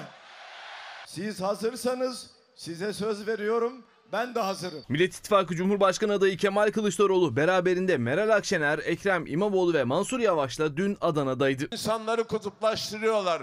Bunları seçerseniz şöyle olur, bunları seçerseniz böyle olur diyerek kendilerinde muhafazakar göstererek insanları kutuplaştırdıkları zaman insanların gözü kul hakkını veya başka bir şeyi görmüyor. Kaybediyorlar. Bir avuç insan kendini bu memleketin sahibi zanneden, ben ne dersem o olur diyen o bir kişi, tek kişilik akıl ne olacak? Tıpış tıpış evine gidecek ve size söz kazanacağız. Bir an evvel 14 Mayıs akşamı bu işi bitirmeliyiz. Birinci turda bitirmeliyiz. Millet İttifakı'nın Cumhurbaşkanı adayı Kemal Kılıçdaroğlu da Akşener'de ilk turda seçimi kazanmanın şart olduğunun altını çizdi. İktidar cephesinin sert üslubu da liderlerin gündemindeydi. Milletine darbeci diyen bir zihniyete hiç şahit olmadım. İşgalci diyen bir siyasiye, bir dile hiç rastlamadım. Propaganda faaliyetleri için gezdiğimiz yerlerde muhalefeti hedef gösteren bir dile hiç rastlamadım. Kendileri gibi düşünmeyen herkes terörist. Ellerinde bir metre milliyetçilik taslıyorlar. Bazen muhafazakarlık. Bunların muhafazakarlığı da mevsimlik. Gençlerin başka bir sorunu var. işsizlik. Bütün köy okullarını yeniden açacağız. Cumhuriyet'in 100. yılında 100 bin öğretmen ataması yapacağız. Öyle torpili morpili olmayacak. En hızlı internet erişimine nasıl ulaşılıyor göreceksiniz onu da. Yatırımlar nereye gidiyor onu da göreceksiniz.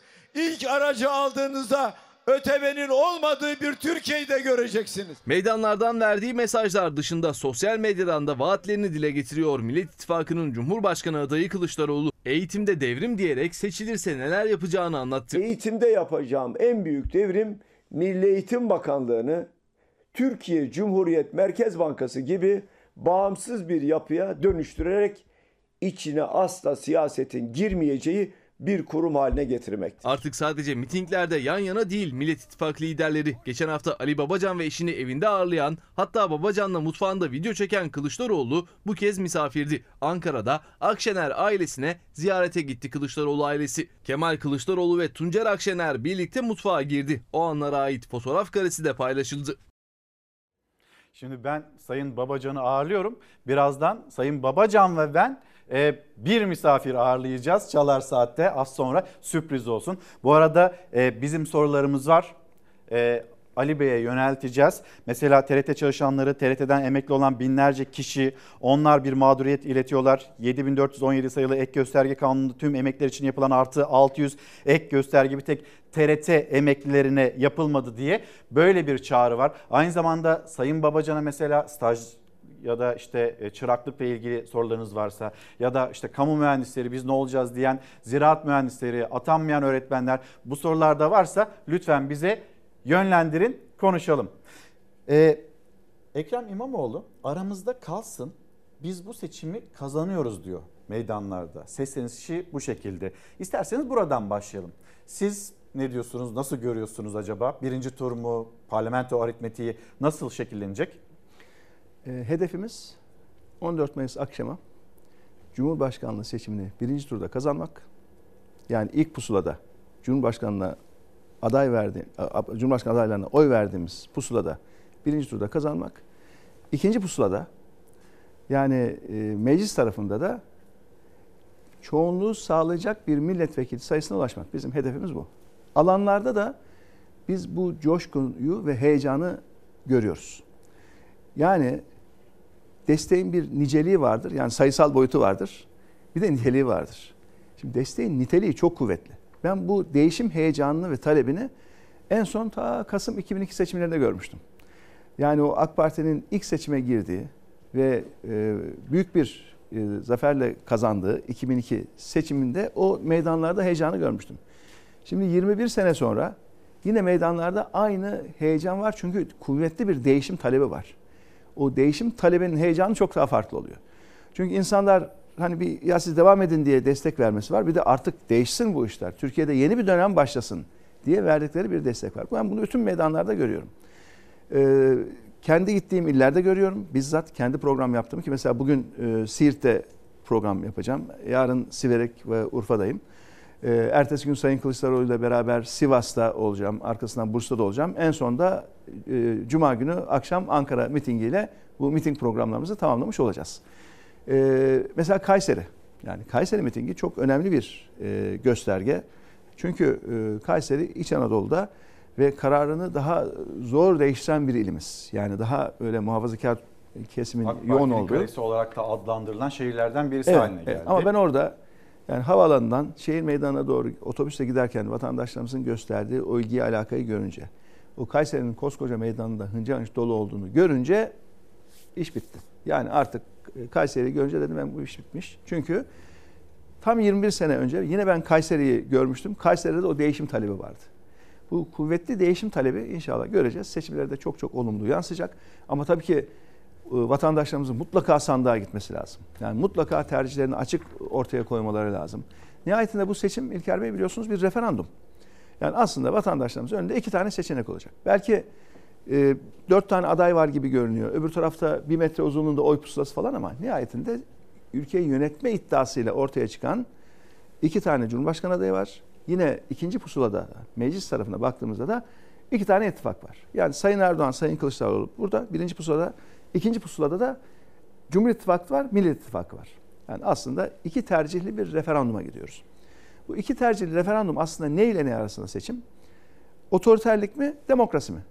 İki tercihten birisini vatandaşlarımız aslında e, kullanacak. Yani otoriterlik mi yoksa demokrasi mi? Keyfilik mi, hukuk mu? İkisi arasında tercih bu aslında. Baskı mı, özgürlük mü? Tek akıl mı, ortak akıl mı? Yani böyle iki tercih bir referandum olarak anlamaya çalıştığımızda mesele aslında olay çok daha kolay e, anlaşılır ve tercihlerinde çok kolaylaştığı bir şekle giriyor. Bunu bir referandum olarak göreceğiz. Peki bugüne referandum kadar- olarak gördüğümüzde de zaten karar vermek de kolaylaşacak ama en en büyük sorun sandığa gitmemek. Yani ben benim buradan bütün vatandaşlarımıza çağrım ne olur sandığa gidin. Önünüzde iki tane tercih var. Bu iki tercihten birisini tercih edin. Ama dediğim gibi e, huzur mu? Korku mu? Yoksa umut mu? Yani bir tarafta korku var, bir tarafta umut var. Bir tarafta sürekli öfke var, nefret var, bir tarafta sevgi var. Bu ikisi arasında vatandaşlarımız tercihinde bulunacaklar. Huzur mu korku mu derken e, bir yandan da Cumhur İttifakı'ndan Millet İttifakı'na yönelen o sözleri mi hatırlatıyorsunuz? Yani Cumhurbaşkanı e, tatlı rekabetin husumete dönmesine izin vermeyelim dedi ama ertesi gününde e, sözleri, söylemleri bayağı da bir sertti. Terör örgütleriyle gezen Kılıçdaroğlu'na bu vatanı böldürtmeyeceğiz. Önceki günlerdeki kullandığı bir e, ifade. Benim milletim Kandil'den aldığı destekle Cumhurbaşkanı olana bu ülkeyi teslim etmez. Sizler patates soğana liderinizi kurban etmezsiniz gibi ifadeler. Sonra Devlet Bahçeli alsalar alsalar ağırlaştırılmış müebbet ya da vücutlarına mermi alırlar dedi. Yani huzurun karşısına korku yük koymanızın sebebi bu Kesinlikle, cümleler. mi? kesinlikle. Yani bir tarafta ülkeyi geren, kutuplaştıran, belki öteki diye ayıran, sürekli bir öfke ve nefret dili kullanan bir tercih var. Bu tarafta da birleştirici, herkesi kucaklayan, sevgiye dayalı, huzura dayalı ve umuda dayalı bir siyaset çizgisi var. İkisinden birisi. Yani korku siyaseti mi yoksa umut siyaseti mi? Ve dikkat edin e, Sayın Erdoğan sürekli bir aynı zamanda istismar siyaseti yapıyor. Sürekli bir şeyler istismar üzerinden ediyor. efendim? Mesela diyelim ki e, hukuk istismarı. Yani hukukun bütün sınırlarını zorluyor. Hukuk dışına rahatça çıkabiliyor. Ya bugün e, kamu araçlarını kendi siyasi partisi için kullanmak hukuk dışı bir iş. Yani kendi siyasi partisi için, kendi siyasi çalışmalar için kamunun kaynaklarını kullanamaz, kamunun araçlarını kullanamaz. Böyle bir şey yok yani. Ve bu çok açık e, açık bir e, açık bir ihlal. Yani parti kaynakları kullanılabilir kampanyada ama devletin yani 86 milyon hakkı olan kaynakların seçim propagandasında kullanılması diye bir şey mümkün değil. Diyelim ki TRT değil mi? Devletin kanalı. Evet. Geçen bir istatistik haz- hazırlanmış onu gördüm. Yani TRT'de e, Millet İttifakı'nın canlı yayınlara ayrıldığı süreyle Cumhur İttifakı için canlı yayınların ayrıldığı süre arasında uçurum var yani. Uçurum. Hiçbir adalet yok. Hiçbir kıstas yok. Yani elindeki gücü, devleti yönetme gücünü sadece kendi şahsı ve kendi partisi için kullanıyor. Bu adil de değil, ahlaki de değil. Aynı zamanda bir milli değer istismarı var sürekli. Yani vatandaşlarımızın en hassas olduğu konularda, milli değerlerde Ve aynı zamanda yine hassas olduğu başka konularda, dini değerlerde de sürekli bir istismar alanı var. Yani vatandaşlarımızın tertemiz duygularını e, istismar eden bir siyaset çizgisi istiyor. Yine aynı zamanda bu e, hakaret ve şiddet, bu hakarete ve şiddete de kapıyı açık tutan bir işte politika var şu anda. İşte Sayın İmamoğlu'na Erzurum'da yapılan taş saldırıyı gördük. Tam da onu soracağım efendim. Az önce TRT dediniz. Size, Deva Partisi'ne, Cumhuriyet Halk Partisi'ne ne kadar yer ayrıldı, e, ne kadar yer verildi bir bakalım. E, onu tekrar hatırlatalım izleyicilerimize. Ha, evet, gördüm bir aylık sesli. canlı Evet. yayın skoru diye TRT Evet. Haber'in yayın süresi. İşte Cumhur İttifakı, Recep Tayyip Erdoğan 32 saat 42 dakika 47 saniye. Bunlar hani günler günler öncenin verileri aslında. Şimdi bunlar revize edildiğinde belki Rütük'te yeniden paylaşılır. E görürüz. Peki siz kendinizi burada görebiliyor musunuz efendim? Gördüğünüz gibi sıfır. Burada sıfır. Ama şeye bakın, bakın e, Cumhur İttifakı Tayyip Erdoğan'a bakın 32 saat, Millet İttifakı Kemal Kılıçdaroğlu 32 dakika. Ya 60 misli fazla vakit ayırmış. Bu adalet mi yani? Bu nedir? Devleti yönetiyor olmanın verdiği gücünü tamamen kendi şahsi hedefleri ve kendi partisi için kullanıyor olmak demek. Bu adil değil. Böyle bir şey e, kabul edilemez yani. Ama İlker Bey biz bütün bunlara rağmen kazanacağız. Bütün bunlara rağmen kazanacağız. Çünkü vatandaşımız bunların hepsini görüyor, biliyor. Yani TRT Sayın Kılıçdaroğlu göstermiyor diye vatandaşımız Sayın Kılıçdaroğlu'nu görmüyor mu? Çeviriyor başka kanalları gene izlemek istiyorsa izleyebiliyor. Ee, bu adalet değil. Ama adaletten saptığınız anda zaten vatandaşımız bunun gereğini mutlaka yapar. İşte adalet sadece yargıda adalet değil. Adalet aynı zamanda fırsat eşitliği. Adalet aynı zamanda devlet imkanlarını bütün siyasi partilere adil bir şekilde kullandırmak. Zorlu bir süreç yürütüyorsunuz. Evet. Ee, artık işte hani az kaldı ve biz pazar günü akşamı Erzurum'da hani hiç olmaması gereken seçim dediğimiz demokrasi ve bir demokrasinin şöleni, taçlanması, vatandaşın sorumluluk bilinciyle gidip oy kullanması diye biliyoruz. Ama Erzurum'da gördüğümüz neydi? Şimdi bu kesinlikle kabul edilmez ve çok sert ve sağlam bir şekilde karşı çıkılması gereken hareket. Yani taşlı saldırı, şiddet. Burada e, şiddete karşı tedbir alması gereken, şiddet uygulayanlara karşı yaptırımlar uygulaması gereken e, İçişleri Bakanlığı. İlk kolluk olarak. Aynı zamanda savcılarımızın derhal burada e, işlem yapması lazım. Hem şiddeti uygulayan hem de buna mani olmayan, ihmal eden, buna göz yumanlarla alakalı. Fakat duydum ki o gözaltına alanların alınanların hepsi serbest bırakılmış. Adli kontrolle serbest kaldı. Hepsi 15 serbest kalmış. E şimdi orada kaç tane insan yaralandı? Küçücük çocukların kafası yarıldı. Ama öyle demedi orada, ki İçişleri orada birisi, Bakanı. İçişleri Bakanı itişmeden dolayı bir kişinin başında e, dikiş var dedi. Sonra hastaneye başvuranlar, e, onlarda da e, hafif e, problemler yaşandı diye bir açıklama yaptı. Ekrem İmamoğlu'nun provokasyon yaptığını söyledi. Tüm yaşananların tiyatro olduğunu söyledi. Şimdi e, bir cumhurbaşkanının ve o ülkenin İçişleri Bakanı'nın görevi şiddete uygulayanları sav- savunmak değil. Şiddetin altlarını hazırlamak, gerekçesini anlatmak değil. Onların görevi şiddete engel olmak. Ve şiddete e, uygulayanlara da gerekli yaptırımı sağlamak. Şiddet bir kırmızı çizgidir. Yani gerekçesi olmaz. Efendim işte o bana şöyle bir şey söyledi, ben de ona taş attım. Böyle bir şey yok. Çünkü ifade özgürlüğü var. Şimdi seçim kampanyası yapıyoruz. İnsanlar görüşlerini açık bir şekilde söyleyebilirler. Slogan atabilirler. Gösteri için toplanabilirler. Bunların hepsi meşru alan. Ama şiddet gayrimeşru alan. Yani gayrimeşruyu teşvik eden, gayrimeşruya gerekçe üretmeye çalışan bir siyasi dil biz kabul edemeyiz. Bakın burada bu olaydan hemen sonra ülkenin Cumhurbaşkanı'nın çıkıp kardeşim seçime gidiyoruz. Böyle bir şiddete, böyle bir eyleme asla müsaade edemeyiz. İçişleri Bakanımıza talimat veriyorum. Böyle bir olay, benzer bir olay olursa ya da olduğu anda polisimiz, kolluk kuvvetlerimiz bunu engellemelidir demesi lazım. Ben bunu beklerdim. Çünkü sorumluluk onda. Bu ülkenin vatandaşlarının güvenliğini sağlam- sağlama sorumluluğu Sayın Erdoğan'ın kendisinde. Yani bugün Sayın İmamoğlu'nun da o meydanda toplanan insanların da güvenliğini sağlamayla ilgili sorumluluk Recep Tayyip Erdoğan'da başkasında değil yani. Ama Sayın İnsanlar Cumhurbaşkanı'nın tabii ki- açıklaması e, dadaş bu dadaş o yürü demezse yürüyemezsin diye bir ifadesi de var. Tam da Yani adeta olayları destekleyen, satır altında o oldu diyen, satır aldığında sen bu işte gidersen Erzurum'a başına gelecek budur diye. Kendi kafasına göre böyle kendi bayrağını diktiği böyle kale olarak gördüğü belki de şehirler var. Hatırlayalım Sayın Akşener'i de Doğu Karadeniz bölgesinde bir e, saldırı olduğunda onda da benzer bir tutum almıştı. Ya bir ülkenin cumhurbaşkanı böyle şiddetin önünü açan, adeta şiddeti alttan alta destekleyen, kendisi gibi düşünenler şiddet uyguladığında daha mazur gören bir tutum ortaya koyduğunda o ülkede artık güvenlikten bahsedemezsiniz. Ve ben açık söylüyorum bakın bu Erzurum'daki olaylardan sonra eğer Türkiye'de bir başka yerde bir başka olay yaşanırsa, insanların canı yanarsa, insanların canına malına zarar gelirse bunun müsebbibi ve sorumlusu Sayın Erdoğan'dır ve İçişleri Bakanı'dır. Çünkü şiddet konusunda sağlam bir duruş, kategorik bir duruş ortaya koymazsanız siz bundan sonraki şiddet olaylarında önünü açan, onlara adeta zemin hazırlayan bir iklim oluşturursunuz. Bu tamamen bir iklim meselesidir. İklim yani ülkedeki siyasi iklim.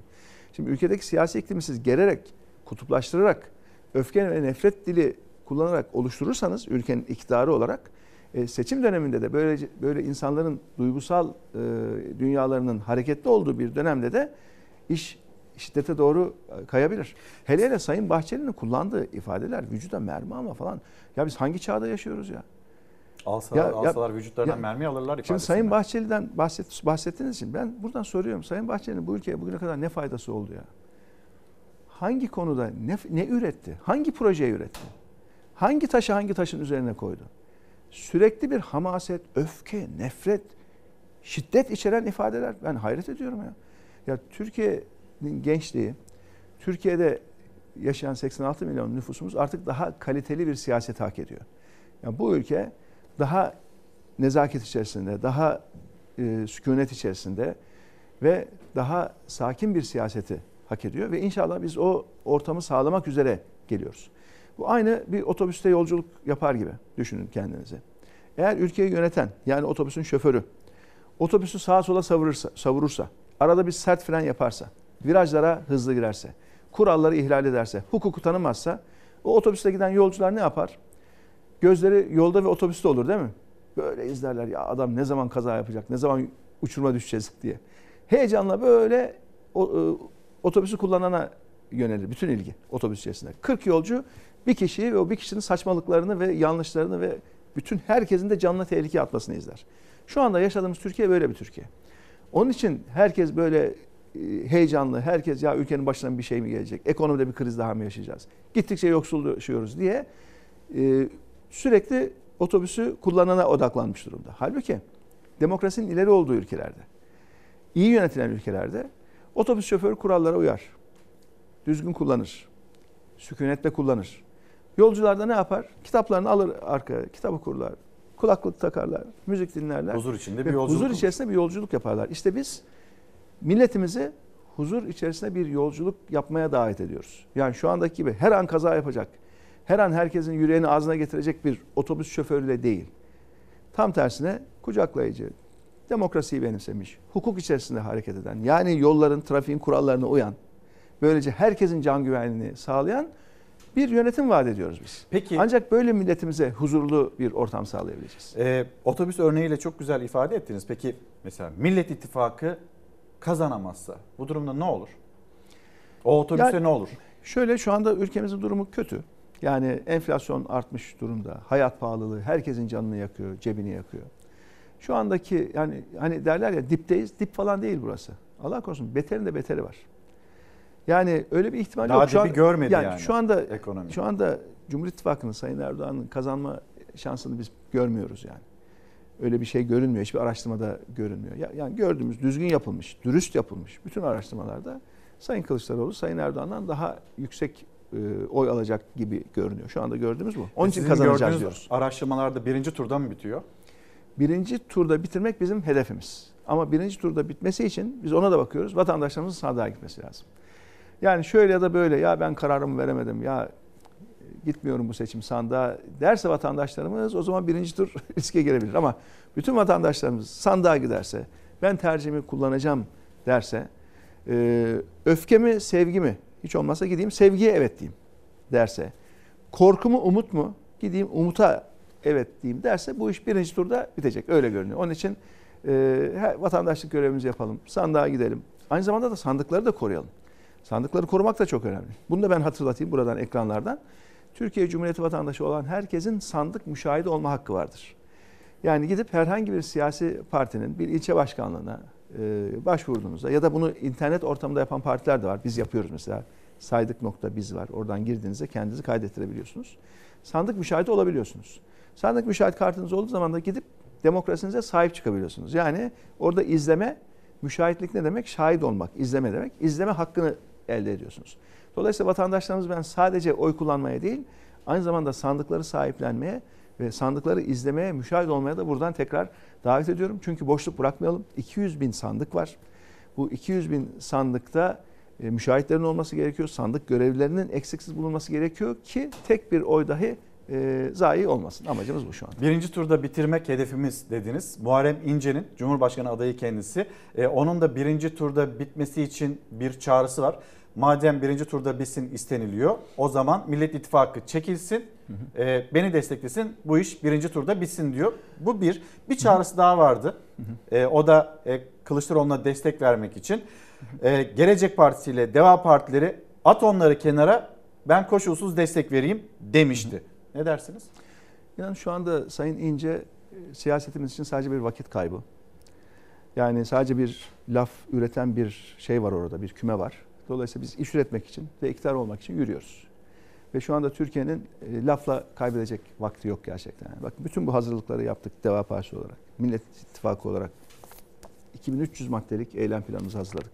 Biz ülkeyi gerçekten yönetmek için hazırlanıyoruz ve siyaset ciddiyet isteyen bir iş yani. Yani çok ciddiyet içerisinde ve ülke Ciddiyetsiz mi buluyorsunuz bu çağrıları? e, her gün hani kıyafet değiştirmek gibi fikir değiştirme söz konusu burada. Yani soru, soruyorlar, diyorlar ki ama niye daha önce böyle söylemediniz? E, sen niye bugün bu kıyafeti giydin diyor. Ben her gün kravat değiştirir gibi, kıyafet değiştirir gibi fikrimi değiştirebilirim diyor.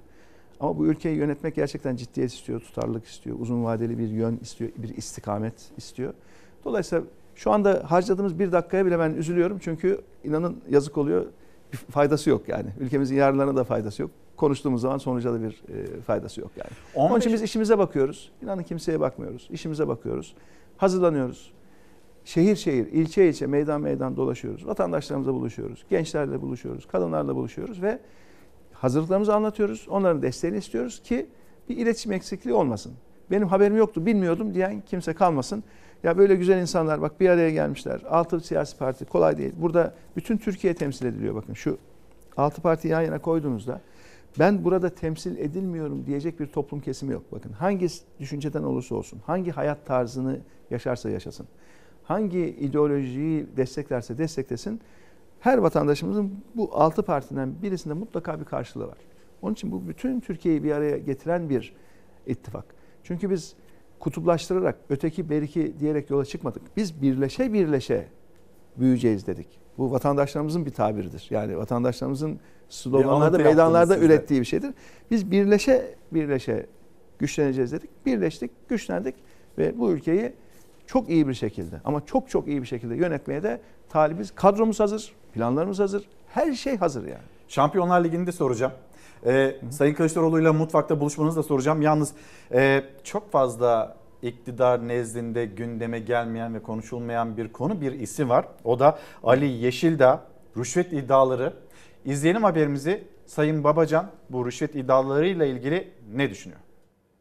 Erdoğan'a ağabey diye hitap eden bir aile yakını Antalya Havalimanı ihalesinde sarayın cebine giren 1 milyar dolarlık rüşveti ve bu rüşvet karşılığında ihaleye nasıl fesat karıştırıldığını açıkladı. Saraydan tık yok. Cumhurbaşkanı Erdoğan'ın yakın dostu, medya patronu Hasan Yeşildağ'ın kardeşi Ali Yeşildağ'ın yayınladığı videolarla ortaya attığı iddialar siyasetin gündeminde. 1 milyar dolarlık rüşvet iddiasını İstanbul Kuruçeşme Arena arazisine kurulan 1 milyar dolar değerindeki otel iddiası izledi. Muhalefet iddiaların soruşturulması için savcıları göreve çağırdı. Çok somut bir iddiadan bahsediliyor. Yer gösteriliyor, şahıs gösteriliyor. Cumhuriyet savcılarının bugün bile hemen harekete geçmiş olmaları gerekirdi. Ü- üç tane oldu. Hepsini tek tek izliyorum. Allah korusun. Bu şeyi benim adıma söyleseydi ben köprüden aşağı atardım kendimi. Somut delillerle anlatıyor. Buradan savcılara çağrı yapıyoruz. Mutlaka bu iddialar araştırılmalıdır. Türkiye siyaseti bu kadar pisliği kaldırmaz. Muhalefet Yeşildağ ailesinin Erdoğan'la olan yakınlığına da vurgu yaparak Ali Yeşildağ'ın iddialarının soruşturulmasını istedi. Ali Yeşildağ ilk olarak Antalya Havaalanı'nın 2007 yılında gerçekleşen işletme ihalesinde dönemin Başbakanı Erdoğan'ın 1 milyar dolar rüşvet aldığı iddiasını ortaya attı. bir ülkenin cumhurbaşkanı ile ilgili 1 milyar dolar aldığı hususunda içeriden birisi çıkmış beyanlarda bulunuyor. Hiç bunlara karşı cevap verdiklerini görüyor muyuz? Ne kadar acı bir şey değil mi? Dava dava, dava değil götür davası. Bunlarla ben niye ayrılıyorum anlıyorsun şimdi değil mi? Yapılacak iş hemen o ihalenin belgelerine el konulması. Cumhurbaşkanı hakkında böyle bir soruşturma yasal olarak yapılamaz ama orada ihale komisyonu var. Talimatı yerine getiren kişiler var. Antalya Havalimanı işletme ihalesinde 1 milyar dolarlık rüşvet iddiası konuşulurken Ali Yeşildağ bu kez İstanbul'da Boğaz'a sıfır Kuruçeşme Arena arazisiyle ilgili bir iddiayı dillendirdi. Eski Tarım Bakanı Mehdi Eker'in de 3,5 milyar dolarlık Avrupa Birliği Tarımsal Kalkınma Fonu ihaleleri üzerinden zimmetine para geçirdiğini iddia etti. Tarım Bakanı'nın Tarım Bakanlığı'nın nasıl oyduğunu, Tayyip abi dediğinin Antalya Havalimanı'nda 1 milyar dolara konduğunu, Binali Yıldırım'ın 25 liralık 500 liraya nasıl verdiğini ve nasıl paylaşıldığını anlatıyor. Saray dehlizlerinden yandaşlarının ceplerine döşedikleri borular bir bir patlamaya başladı. Hükümete yakın saraydan tık yok. Muhalefet iktidarın sessizliğine dikkat çekiyor, yargının da iddialar karşısında harekete geçmemesine. Efendim kim bu Ali Yeşildağ? Siz tanıyor musunuz? Hayır. Ee, hiç yolunuz kesişti mi? Hayır. Bu iddialarla ilgili neden bir yanıt verilmiyor? Ee, e, abisi sanırım. Yani Sayın Erdoğan'la aynı dönemde hapis yatan abisi diyebiliyorum. Ama bunu da sonradan öğrendim. Yani şahsen tanıştığım insanlar değil. Şimdi Türkiye'de e, yolsuzluk büyük bir gerçek İlker Bey. Büyük bir gerçek. Fakat yolsuzlukla mücadele için gereken yapılmıyor. Yolsuzluğu ben azaltacağım diye bir siyasi irade yok yani. Yolsuzluğun olduğu bir gerçek bunu herkes biliyor. Ha, somut olaylara gelince somut bir iddia ortaya atıldığında ne olması lazım? Bu iddianın muhatabının çıkıp yok böyle bir şey kardeşim demesi lazım. Bu iddianın muhatabı olan insanlardan ben bir şey duymadım. Siz daha iyi takip ediyorsunuz hani mesleğiniz gereği. Bir şey demediler. Böyle Yani bunlar bir yanlış, bunlar sessizlik- yalan dendi mi? Değil mi? Bir o olması lazım. Evet. İki, çok somut iddialar varsa savcıların derhal harekete gitmesi, geçmesi lazım ve reysen harekete geçmesi lazım. Bu iddialar doğru mu değil mi diye bir savcılık sürecinin başlatılması lazım. Hiçbiri yok. O da yok. Ne bir inkar var ne de bir savcılık sü- süreci var. Ama şu bizim bir grafiğimiz var bu e, şeffaflıkla alakalı bir grafik. Onu Hemen arkadaşlar gelsin. bir bulabilirlerse 34 şeyden. numaralı grafik. Yok 80 83 Kaç? bir dakika bir dakika ben söyleyeyim Bakalım. numarasını. Onu 83 arada numaralı grafik. Tamam. 83 evet. Gelsin. Şimdi 83 nolu grafiğe Bakalım. bir bakalım. Evet bakın Türkiye şeffaflık endeksinde neredeymiş? Bu Uluslararası Şeffaflık Örgütü Türkiye'deki yolsuzlukla ilgili konuları ölçüyor.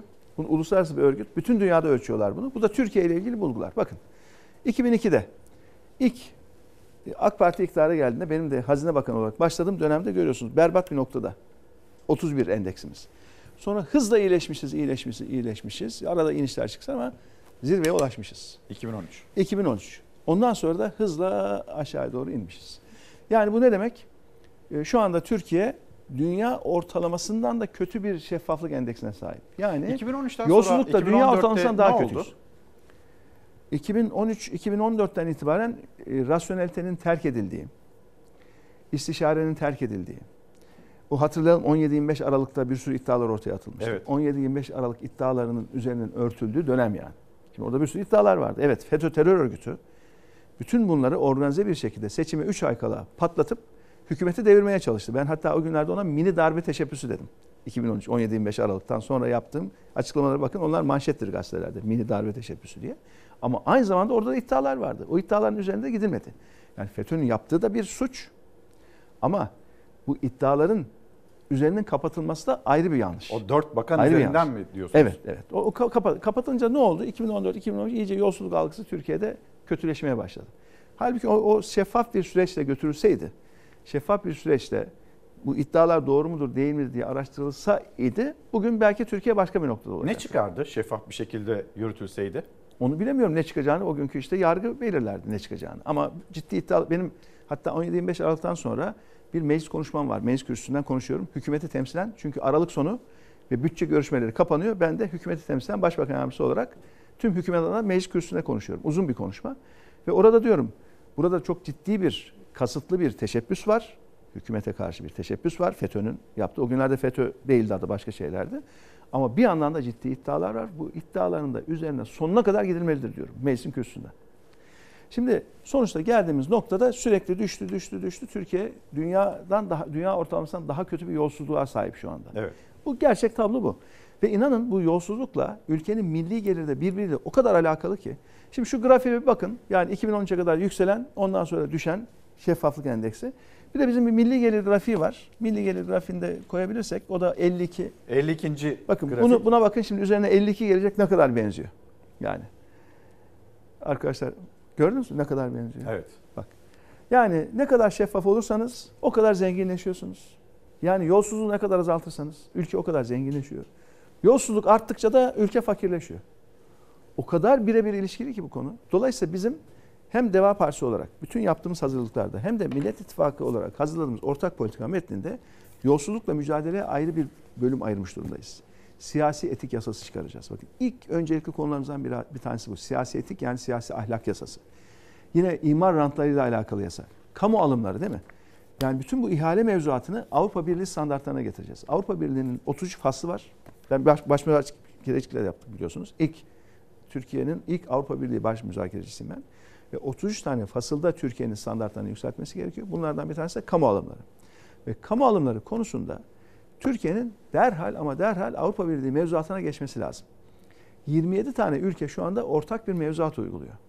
Yani 27 ülke bunların içerisinde Almanya'sı var, Fransa'sı var, artık e, İspanya'sı var, var var var, İtalya'sı var, hepsi var. Bütün Avrupa'dan bahsediyoruz. 27 Avrupa Birliği üyesinden bahsediyoruz. Bunların hepsi ortak bir mevzuat uyguluyor. Biz de diyoruz ki buraya da yazdık. Kamu ihale mevzuatımızı Avrupa Birliği mevzuatıyla da eşitleyeceğiz diyoruz. Yani artık eşe dostu ahbaba böyle ihale dağıtmak yok. Davet usulü milyarlarca dolarlık projeyi Şu anda yarışmasız. E var tabii ki. Ya en son şu deprem konutları ya daha çok taze mesele. Ya bu depremin acısının üzerine böyle bir şey yapılabilir mi? İhale falan yaptıkları yok, yarışma falan yok. Bu deprem konutlarını sadece dağıtıyorlar. Sen şunu yapacaksın, sen şunu yapacaksın diye. Çevre Bakanlığı'nın açıkladığı kendi inşaat maliyet raporunda, Şubat ayında açıkladılar daha bu sene Şubat'ta. Resmi gazetede yayınlandı ya. 100 metrekarelik bir deprem konutunun maliyetinin 700 bin lira civarında olması gerekiyor. Kendi açıkladıkları maliyet tablolarına göre. Evet. Aynı bakanlığa bağlı TOKİ iş veriyor ortalaması 1 milyon 700, 1 milyon 800. Ya 700 bin lira ya. 1 milyon 700, 1 milyon 800 lira. Böyle bir şey olabilir mi ya? Yani daha depremin acılarının üzerine bile böylesine bir yanlışın içindeler. Efendim, Onun için bunları- derhal değişmesi gerekiyor. Siz bu bunları işlerin. anlatmak istiyorsunuz. Bunların konuşulmasını istiyorsunuz. Hatta seçmenin karşısında da yapacaklarınızla e, Evet. çıkmayı arzu ediyorsunuz. Fakat Tabii. karşınızda mesela terörle el eleler, terörle kol kolalar, onlar işbirliği yapıyorlar, onlar başaramazlar gibi bir söylem var. Buna bir üstelik- yanıtı var CHP lideri Kemal Kılıçdaroğlu'nun. E, üstelik- dinleyelim sonra da size sorayım. montaj videolar gösteriyorlar ya. Bu bir ülkenin cumhurbaşkanı seçim meydanında koca led ekranlardan montaj video gösterir mi ya? Yalan, doğru olmayan montajlanmış videoları ekranda e, insanları izletiyor. Yani yalan bir filmi, montaj bir filmi insanları izletiyor. Böyle bir şey olabilir mi? Her türlü istismar dedim mi? Bu da tam bir istismar alanı yani. Olmayan bir şey var gibi göstermek. Recep Tayyip Erdoğan Millet tanıyabiliyor İttifakı- musunuz? Ya yani Millet o zaman bu ortada ya. meydanlar, mitingler, olanlar, söylenenler e, tanıdığınız Recep Tayyip Erdoğan değişti, mı? çok değişti. O 2013-2014 var ya o zirve ondan sonra değişti. Ülkede onun için tepe taklak aşağıya doğru gidiyor. Sayın yani bakın şurada 6 tane parti var. Bu 6 partiden oluşuyor Millet İttifakı. 7. 8. parti burada yok ya. Millet İttifakı bu. Yani burada yok 7. parti var, 8. parti var diye iddia etmek külliyen yalan böyle bir şey yok. Şimdi terör örgütleri de dahil edilip 11'li masa da denilmişti. Bir Kemal Kılıçdaroğlu'nun sesini Olur, e, tabii ki. duyalım, dinleyelim. Tabii ki. Devam edelim. Soru şu. Kandil'den Millet İttifakı'nı desteklemeye yönelik bir açıklama kimin işine yarar? Bir daha sorayım. Kandil'den yani terör örgütünden biz Millet İttifakı'nı destekliyoruz diye bir açıklama kimin işine yarar? Millet İttifakı'nın işine mi yarar? Cumhur İttifakı'nın işine mi yarar? Siz soruyu böyle Bizi mi göre- destekliyorlar, onları mı destekliyorlar? Akıl var, mantık var. Değil mi? Akıl var, mantık var. Terör örgütü kalkıp da ben seni destekliyorum diyorsa aslında karşı tarafı destekliyorum demektir bu. Akıllı onu öngörmez mi? Mantık onu öngörmez mi? Aklımız varsa oturacağız, sorgulayacağız. Ya arkadaş bu aslında beni suçluyor. Yanımdaymış gibi görünüyor ama beni suçluyor. Yani karşıyı destekliyorum diyor. Yaptı o terör örgütünün. Bir de diyorlar ki efendim terör örgütünün adını niye seslendirmiyorsunuz diye. Bakın dünyada bütün terör örgütleri terörü kendi adlarıyla yaparlar ve adlarının geniş kitlelere ulaşmasını sağlarlar. Terörle. Açınız Milli Savunma Bakanlığı'nın internet sitesini. Açınız Genelkurmay Başkanlığı'nın internet sitesini. Terör örgütlerinin ismi yazmaz orada. Bölücü terör örgütü der. Vurgusuna dikkat ediyorsunuz. Yani Kandil'in böyle bir açıklama yapması kime yarar? Millet İttifakı'na mı yarar, Cumhur İttifakı'na mı yarar? Şimdi terör örgütünün şunu destekliyorum dediği kimse onun aleyhine işler tabii ki. 2 kere 2 4. Yani e, O da bunu, bunu, bunu herkesin evet evet ama inanın tamamen bir büyük bir algı operasyonu var şu anda. Devletin bütün imkanlarını kullanarak, devletin bütçesini sonuna kadar kullanarak ve kendi havuçla ya da sopayla yönettikleri basın organlarıyla, TRT ile bizzat devletin yönettiği TRT ile hepsiyle beraber olmayan bir şeyi varmış gibi anlatıyorlar insanlara. Ve maalesef bu bazı kesimler üzerinde etkili de oluyor. Yani WhatsApp grupları üzerinden olmadık şeyler dolandırıyorlar. Benimle ilgili de yapıyorlar. Ne diyorlar Konuşmamın, ilgili? Mesela konuşmamın diyelim ki bir, bir kısmını öyle bir kesiyorlar ki bir kesit çıkarıyorlar. Ya da onu onu ekliyorlar bir montaj yapıyorlar. Öyle bir sunuyorlar ki benim söylemediğim bambaşka bir anlam çıkıyor ortaya yani. Ve bunu WhatsApp grubu yani. ve WhatsApp gruplarında dolaştırıyorlar. Ve insanlar tabii WhatsApp grubundan bir şey gelince çünkü o gruba bir aidiyet var, şu var, bu var. Arkadaşından gelmiş oluyor. Vay canına ya diyor bak böyle bir şey söylemiş diyor. Halbuki öyle bir şey yok. Öyle bir şey yok. Ama bunu sık yapıyorlar. Artık yalan tamamen her yerde çok yaygın. Bizzat bizzat Erdoğan ben ya doğruyu konuşur, yalan söylemez derdim. Ne zamana kadar? 2012-2013'e kadar. Sonra değişti. Çünkü güç yozlaştırıyor. Bu bilimsel bir gerçek. Tam olarak Tarihi neyi bir gördüğünüzde yani. değişti diyorsunuz? Yani 2012, 2013'ten sonra tam olarak gördüğünüz somut bir olay var o zaman. Olay değil, olaylar. Kaç Olaylar. tane olay? Olaylar, olaylar serisi. Yani ben niye ayrıldım ki? Niye 2014 ve 2015 yıllarında hala başbakan yardımcısıyken bir sürü kürsü konuşmam var. Böyle yaptığımız bir televizyon programlarım var. Ne diyorum biliyor musunuz? O zaman ben tabii hani AK Parti'nin kurucusuyum ve başbakan yardımcısıyım. Bu partinin adı AK diyorum. AK ne demek? Lekesiz, temiz demek.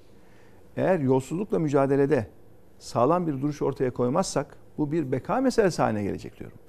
Bu ifadeyi başbakan yardımcısıyken, partinin Parti MKYK üyesiyken e, söylüyorum. Yani feryat ediyorum adeta. Kamuya açık düzinelerce benim konuşmam var bunları bu, bu şekilde çok açık bir şekilde ortaya koyan. Dolayısıyla çok büyük mücadelesini verdik. Çünkü gördük, kötüye gidişi gördük.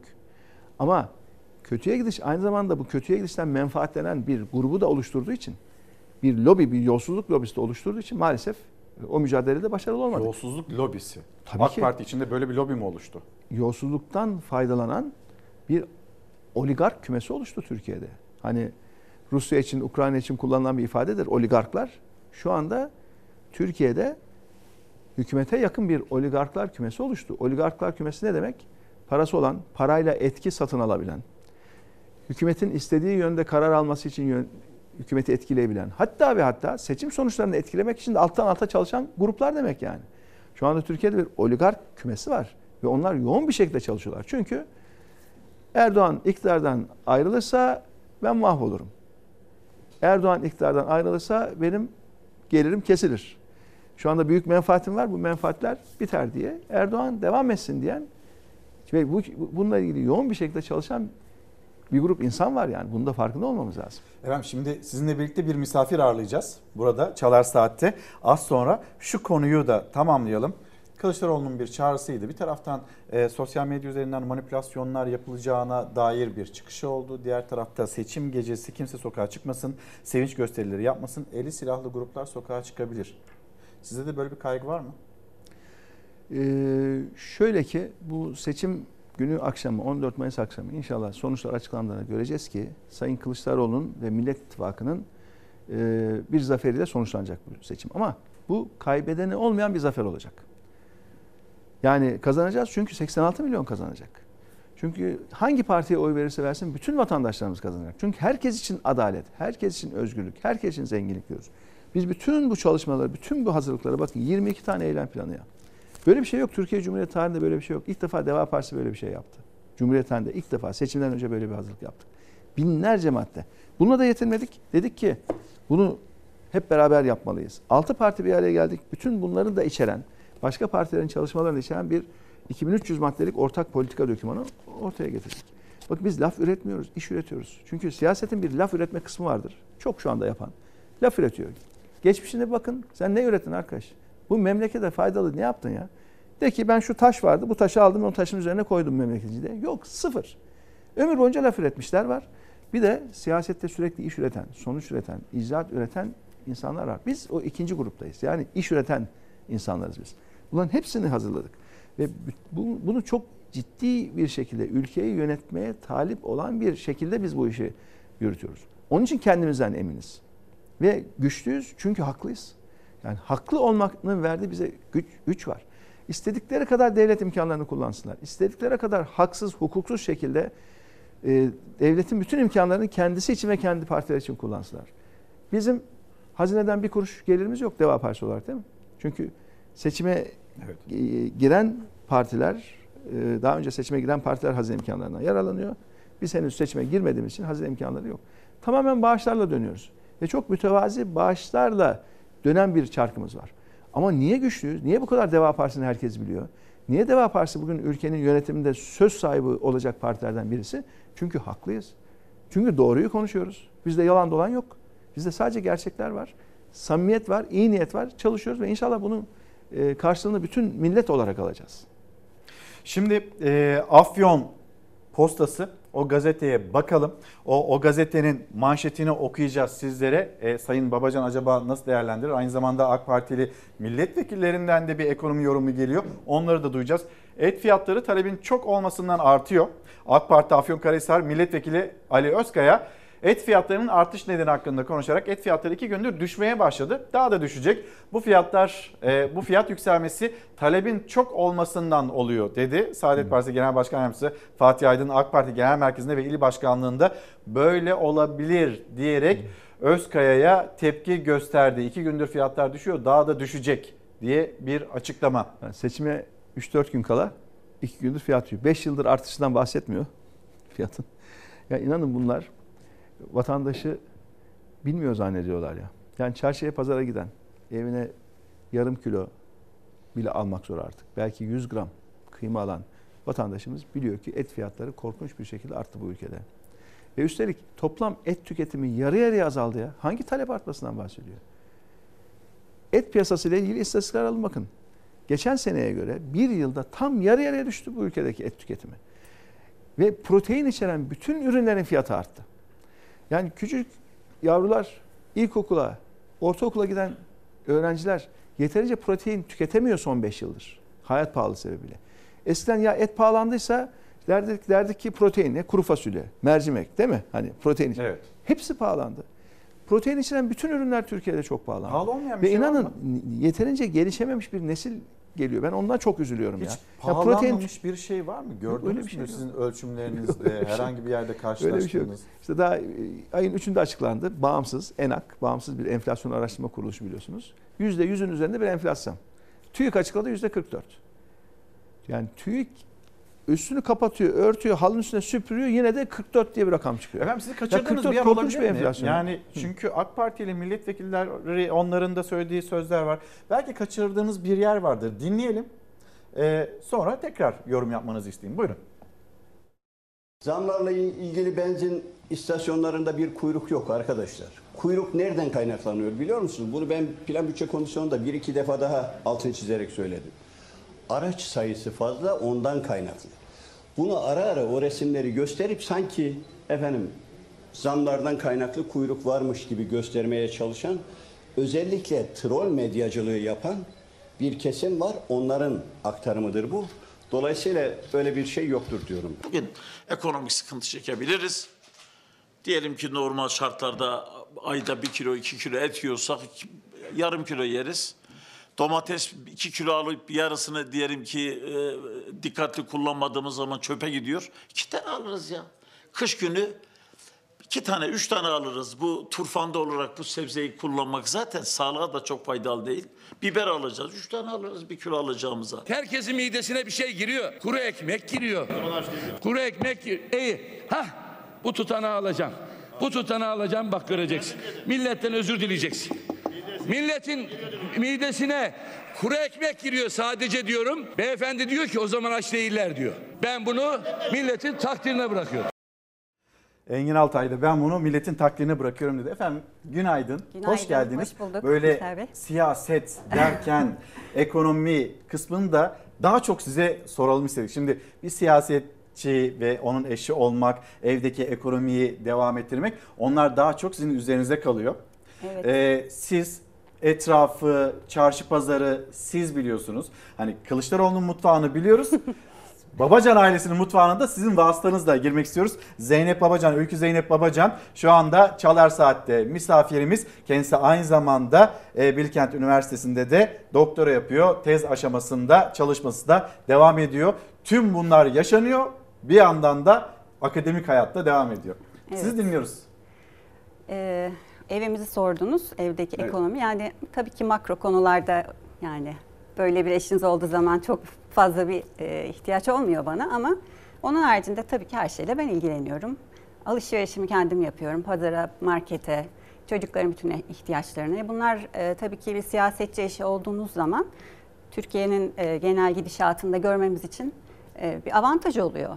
Siz kendiniz çıkıyorsunuz Tabii, tabii, alışverişe. yani. Şimdi İyi Parti Ümit Hatta Dikbayır- eskiden beraber de çıkardık e, market Gelmiyor Bey? Bu ara çok e, imkan olmuyor ama vakti olduğu zaman sever. Özellikle rafları. Pahalı diye mi gelmiyor acaba? Zeynep. Hanım'a kalsın. yani yok. E, yani görmek istiyor nasıl e, alışverişin, insanların alışveriş e, e, davranışları nasıl. Hatta geçen birisi de şey demişti. e, marketler böyle sergi gezer gibi geziliyor artık. Girdiğiniz zaman insanlar bakıp bakıp geçiyorlar. Bu çok üzücü bir şey. Yani belki eskiden hiç fiyatına bakmadan yapılan alışverişler şu anda hani fiyatların hepsi tek tek kontrol ediliyor. Market market belki karşılaştırılıyor. Bunları ben görüyorum yani yakından görüyorum. Ve her e, tarzda her tür e, markete de gidiyorum aslında. Hani böyle en iyileri ya da en e, hani yani önüme hangisi çıkarsa böyle özellikle tek bir yerden alışveriş etmiyorum. Genel anlamda bunu da gözlemek istiyorum aslında. E, yani çok yakından şahit oluyoruz. Eşler de böyle katkı veriyor değil mi? Şimdi mesela e, İyi Parti Genel Başkanı Meral Akşener'in eşi Tuncer Bey e, seyahatlerini kendi aracıyla değil işte toplu taşımayla Evet. yapıyor ki insanlar ne konuşuyor onları da alıp e, aktarıyor. E, eve aktarıyor. Siyasete aktarılmış oluyor aynı zamanda. E, Ümit Dikbayır eşiyle uzunca bir süredir enflasyon e, hesabı da yapıyorlardı. Ve hayat pahalılığını onlar da karı koca ölçüyorlardı. E, siz aynı şekilde o alışverişi yapıyorsunuz. Ali Bey'e aktarıyorsunuz. Zaten e, mikrosunu mu diyeyim? Mikrosunu siz görüyorsunuz, gözlemliyorsunuz. Makrosunu da yönetimini de e, size bırakıyor galiba. Akşam oturuyoruz. Bir tutam ota, ota 30 lira verdim diyor. 30 değil ya sen. 13 falan da o yani. 3 bir şey. Hadi iki tutam olsun. Daha iki iki tutam tutam 30 lira oldu. tamam. Şimdi e, Hemen- güzel de bir hemen atışmada. check geliyor yani. Şimdi hanımcılık kazanacak deniliyor ya Hmm. e, Millet İttifakı'nda. E, onunla ilgili bir fotoğraf var. Hanımcılık kazanıyor mu sizin evde de Ali Bey'i de sormak istiyorum. E, Kemal Kılıçdaroğlu ve e, Tuncer Bey'in de bir fotoğrafı var. Beraberce bakalım biz hayatı paylaşmaktan gurur duyarız. Alın şimdi bu fotoğrafı pankartınıza koyun sevgili genç mütedeyyin kadınlar. Size ayrıca kazanımlarınızı kaybedersiniz propagandası yapanlar tüm haklarınızı 5 3-5 oya sattılar. Bay Kemal asla kazanımlara dokunmaz. Şimdi Kemal Bey çayları kendisi de dolduruyor. Evde de böyle oluyor mu? Ali Bey yoksa çok yoğun çalışıyor da geç mi geliyor? Evdeki, mutfaktaki e, Ali Babacan nasıl? Ee, ya bizim evde öyle birbirine hizmet etmek tarzı bir e, ortamımız Self yok. servis. Aynen self servis. Bazen o bana çay getirir, bazen ben ona getiririm. Birisi kalktıysa bana bir şunu getirir misin der götürür. Yani öyle sürekli bir hizmet Olması etme gibi şeklinde yani. bir durumumuz yok. Çocuklarımız da aynı şekilde kimseden bir şey istemezler. Kendilerini yapmaları işleri, kendi işlerini kendileri yapmaları konusunda hep telkin ederim. E, küçükler büyükleri, büyükler küçüklerden iş istemezler. Yani ben onlardan hoşlanmıyorum. Hani böyle abiler kız kardeşlerine der şunu getir şunu yap. İş Onları sevmem. Herkes kendi işini kendi yapsın. Tabii ki yardım etmek, ik- ikram etmek farklı bir şey. Ee, o bütün işini Ali kendisi yapar aslında. Mesela seyahatten geliriz valizini kendi boşaltır, Yaptığı kirlileri kirli sepetine mesela? atar. Yapamadığı tek şey o aslında. Yapamadığı tek şey. Yemek konusuna e, hiç girmez. E, Ama ama kaldırırken e, yani Birkaç gerekirse kere denedim. kırar. Evet o kadar da Yumurtada değil. olmuştur. Birkaç kere denedim. Ondan Ama sonra vazgeçtim. Yani O da olmadı. Yok. Yani yemek pişirme kısmında yokum yani. O kısmında yokum. Gerekse belki yapar Ama da. ısıtırım. Evet, Tabağa ısıtır, kendim koyarım, koyar, yerim falan. e, Tabakları makineye koyar, ortada bırakmaz mesela. Yani bu tür şeyleri yapar. Öyle yani elim sürmem gibi bir şey değil. Ama böyle genelde çok iyi yapamadığı şeyleri hiç elini sürmemek. Gayretli ama başarılı var. değil galiba. Ee, yani o bir kere deneyip de yapamayınca bir daha denemiyor Bir aslında. de işi ehline Böyle bir vereceğiz şey. ya. Evet. işi ehline vereceğiz. Kimi yapıyorsunuz evde kimi, de. kimi yapıyorsa ona vereceğiz. Çocuklardan bahsettiniz. Ee, bir evladınız yurt dışında. Evet. Hollanda'da. Ee, hani bu ülkenin gençleri, çocukları, Ali Bey bu soru size de gelsin aynı zamanda. Bir anne olarak ve bir e, baba ve siyasetçi olarak da öğrenmek isterim bunun yanıtını. Ya bu çocukların, ya bu ülkenin çocukları, gençleri yurt dışında ve hayallerini de orada arıyorlar. Acaba sizin oğlunuz da, çocuğunuz da, oradaki pek çok kişinin e, çocukları da, yurt dışında olan çocukları da dönsünler mi? Ne dersiniz? Bana soruyorsun. Evet.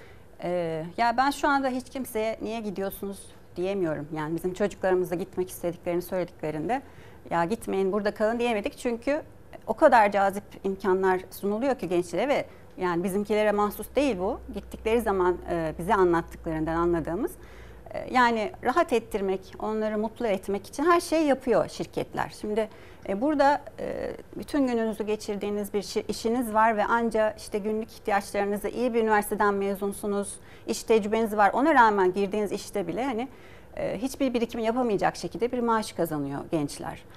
Yetiyorsa bile yani birikimle herhangi başka bir şeylere yer kalmıyor. Ama oraya gidiyorsunuz. Düşünmeden alışveriş edebiliyor gençler. Düşünmeden e, mesela hafta sonu bir yerlere seyahate, e, günübirlik bir yerlere gidip gelebiliyorlar. Atlıyorlar trene başka bir şehre gidiyorlar, geliyorlar. Bunları bütçe kaygısı olmadan yapıyorlar. E, diyemiyoruz ki biz kalın burada sıkıntı yaşayın ama e, bu yani ilelebet böyle olacak demek değil. Oraya şimdi gittiler, tecrübe kazansınlar, dünyayı görsünler. Ama dönsünler, Gençler yaşasınlar fakat dönsünler tabii ki biz e, dönmeler için Özlediniz mi? Bekliyoruz yani ortam hazırlamalarını. Özlediniz mi? Özlüyoruz tabii ki. özlüyoruz. Aslında sadece mesele galiba maddi konular da değil. Bir de insan yerine Evet. konulmak. Yani gençlerin şu anda en önemli Türkiye'deki şikayeti e, ciddiye alınmamak, baskılanmak, susturulmak. Yani kaç tane gençten ben nefes alamıyorum, oksijen yok gibi hissediyorum ifadesini duyuyorum gittiğim her yerde. Dolayısıyla insan gibi muamele görmek, ciddiye alınmak. Yani gençlerin aslında istediği bir de mutlu olmak. Yani mutluluk evet maddi imkanlar mutluluğun bir faktörü ama bir önemli faktör de tercih özgürlüğü. Yani o özgürlük istediği zaman istediğini yapıyor olmanın verdiği rahatlık.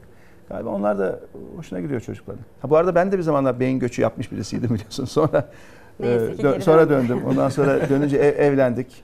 Evlendiğimde ben siyasetle uğraşmıyordum yani. Tamamen ticaretle uğraşıyordum. E, daha sonra siyaset başladı. Tabii ayrı ayrı bir dönem şimdi. Sizce yani işte çarşıdasınız, pazardasınız. Gözleminizi o zaman sorayım mı? Ne olacak sizce 14 Mayıs'ta, 15 Mayıs'ta Türkiye nasıl uyanacak? Ne gözlemliyorsunuz? Bugün Siirt'e gideceksiniz. Evet. Böyle hani o miting meydanlarında e, diğer eşlerle birlikte siz de aslında oradasınız, meydandasınız, yardımcı olmaya çalışıyorsunuz, koşturuyorsunuz, anlamaya çalışıyorsunuz, anlatmaya çalışıyorsunuz. Ne olacak? Ee, ya benim gördüğüm çok güçlü bir değişim e, is- isteği var. Ee, insanlar hani çok toplum zaten çok politize olmuş durumda. Herkes her şeyi takip ediyor. Sürekli bu konuşuluyor. Hiç oturulan e, ortamlarda siyasete geliyor hep konu.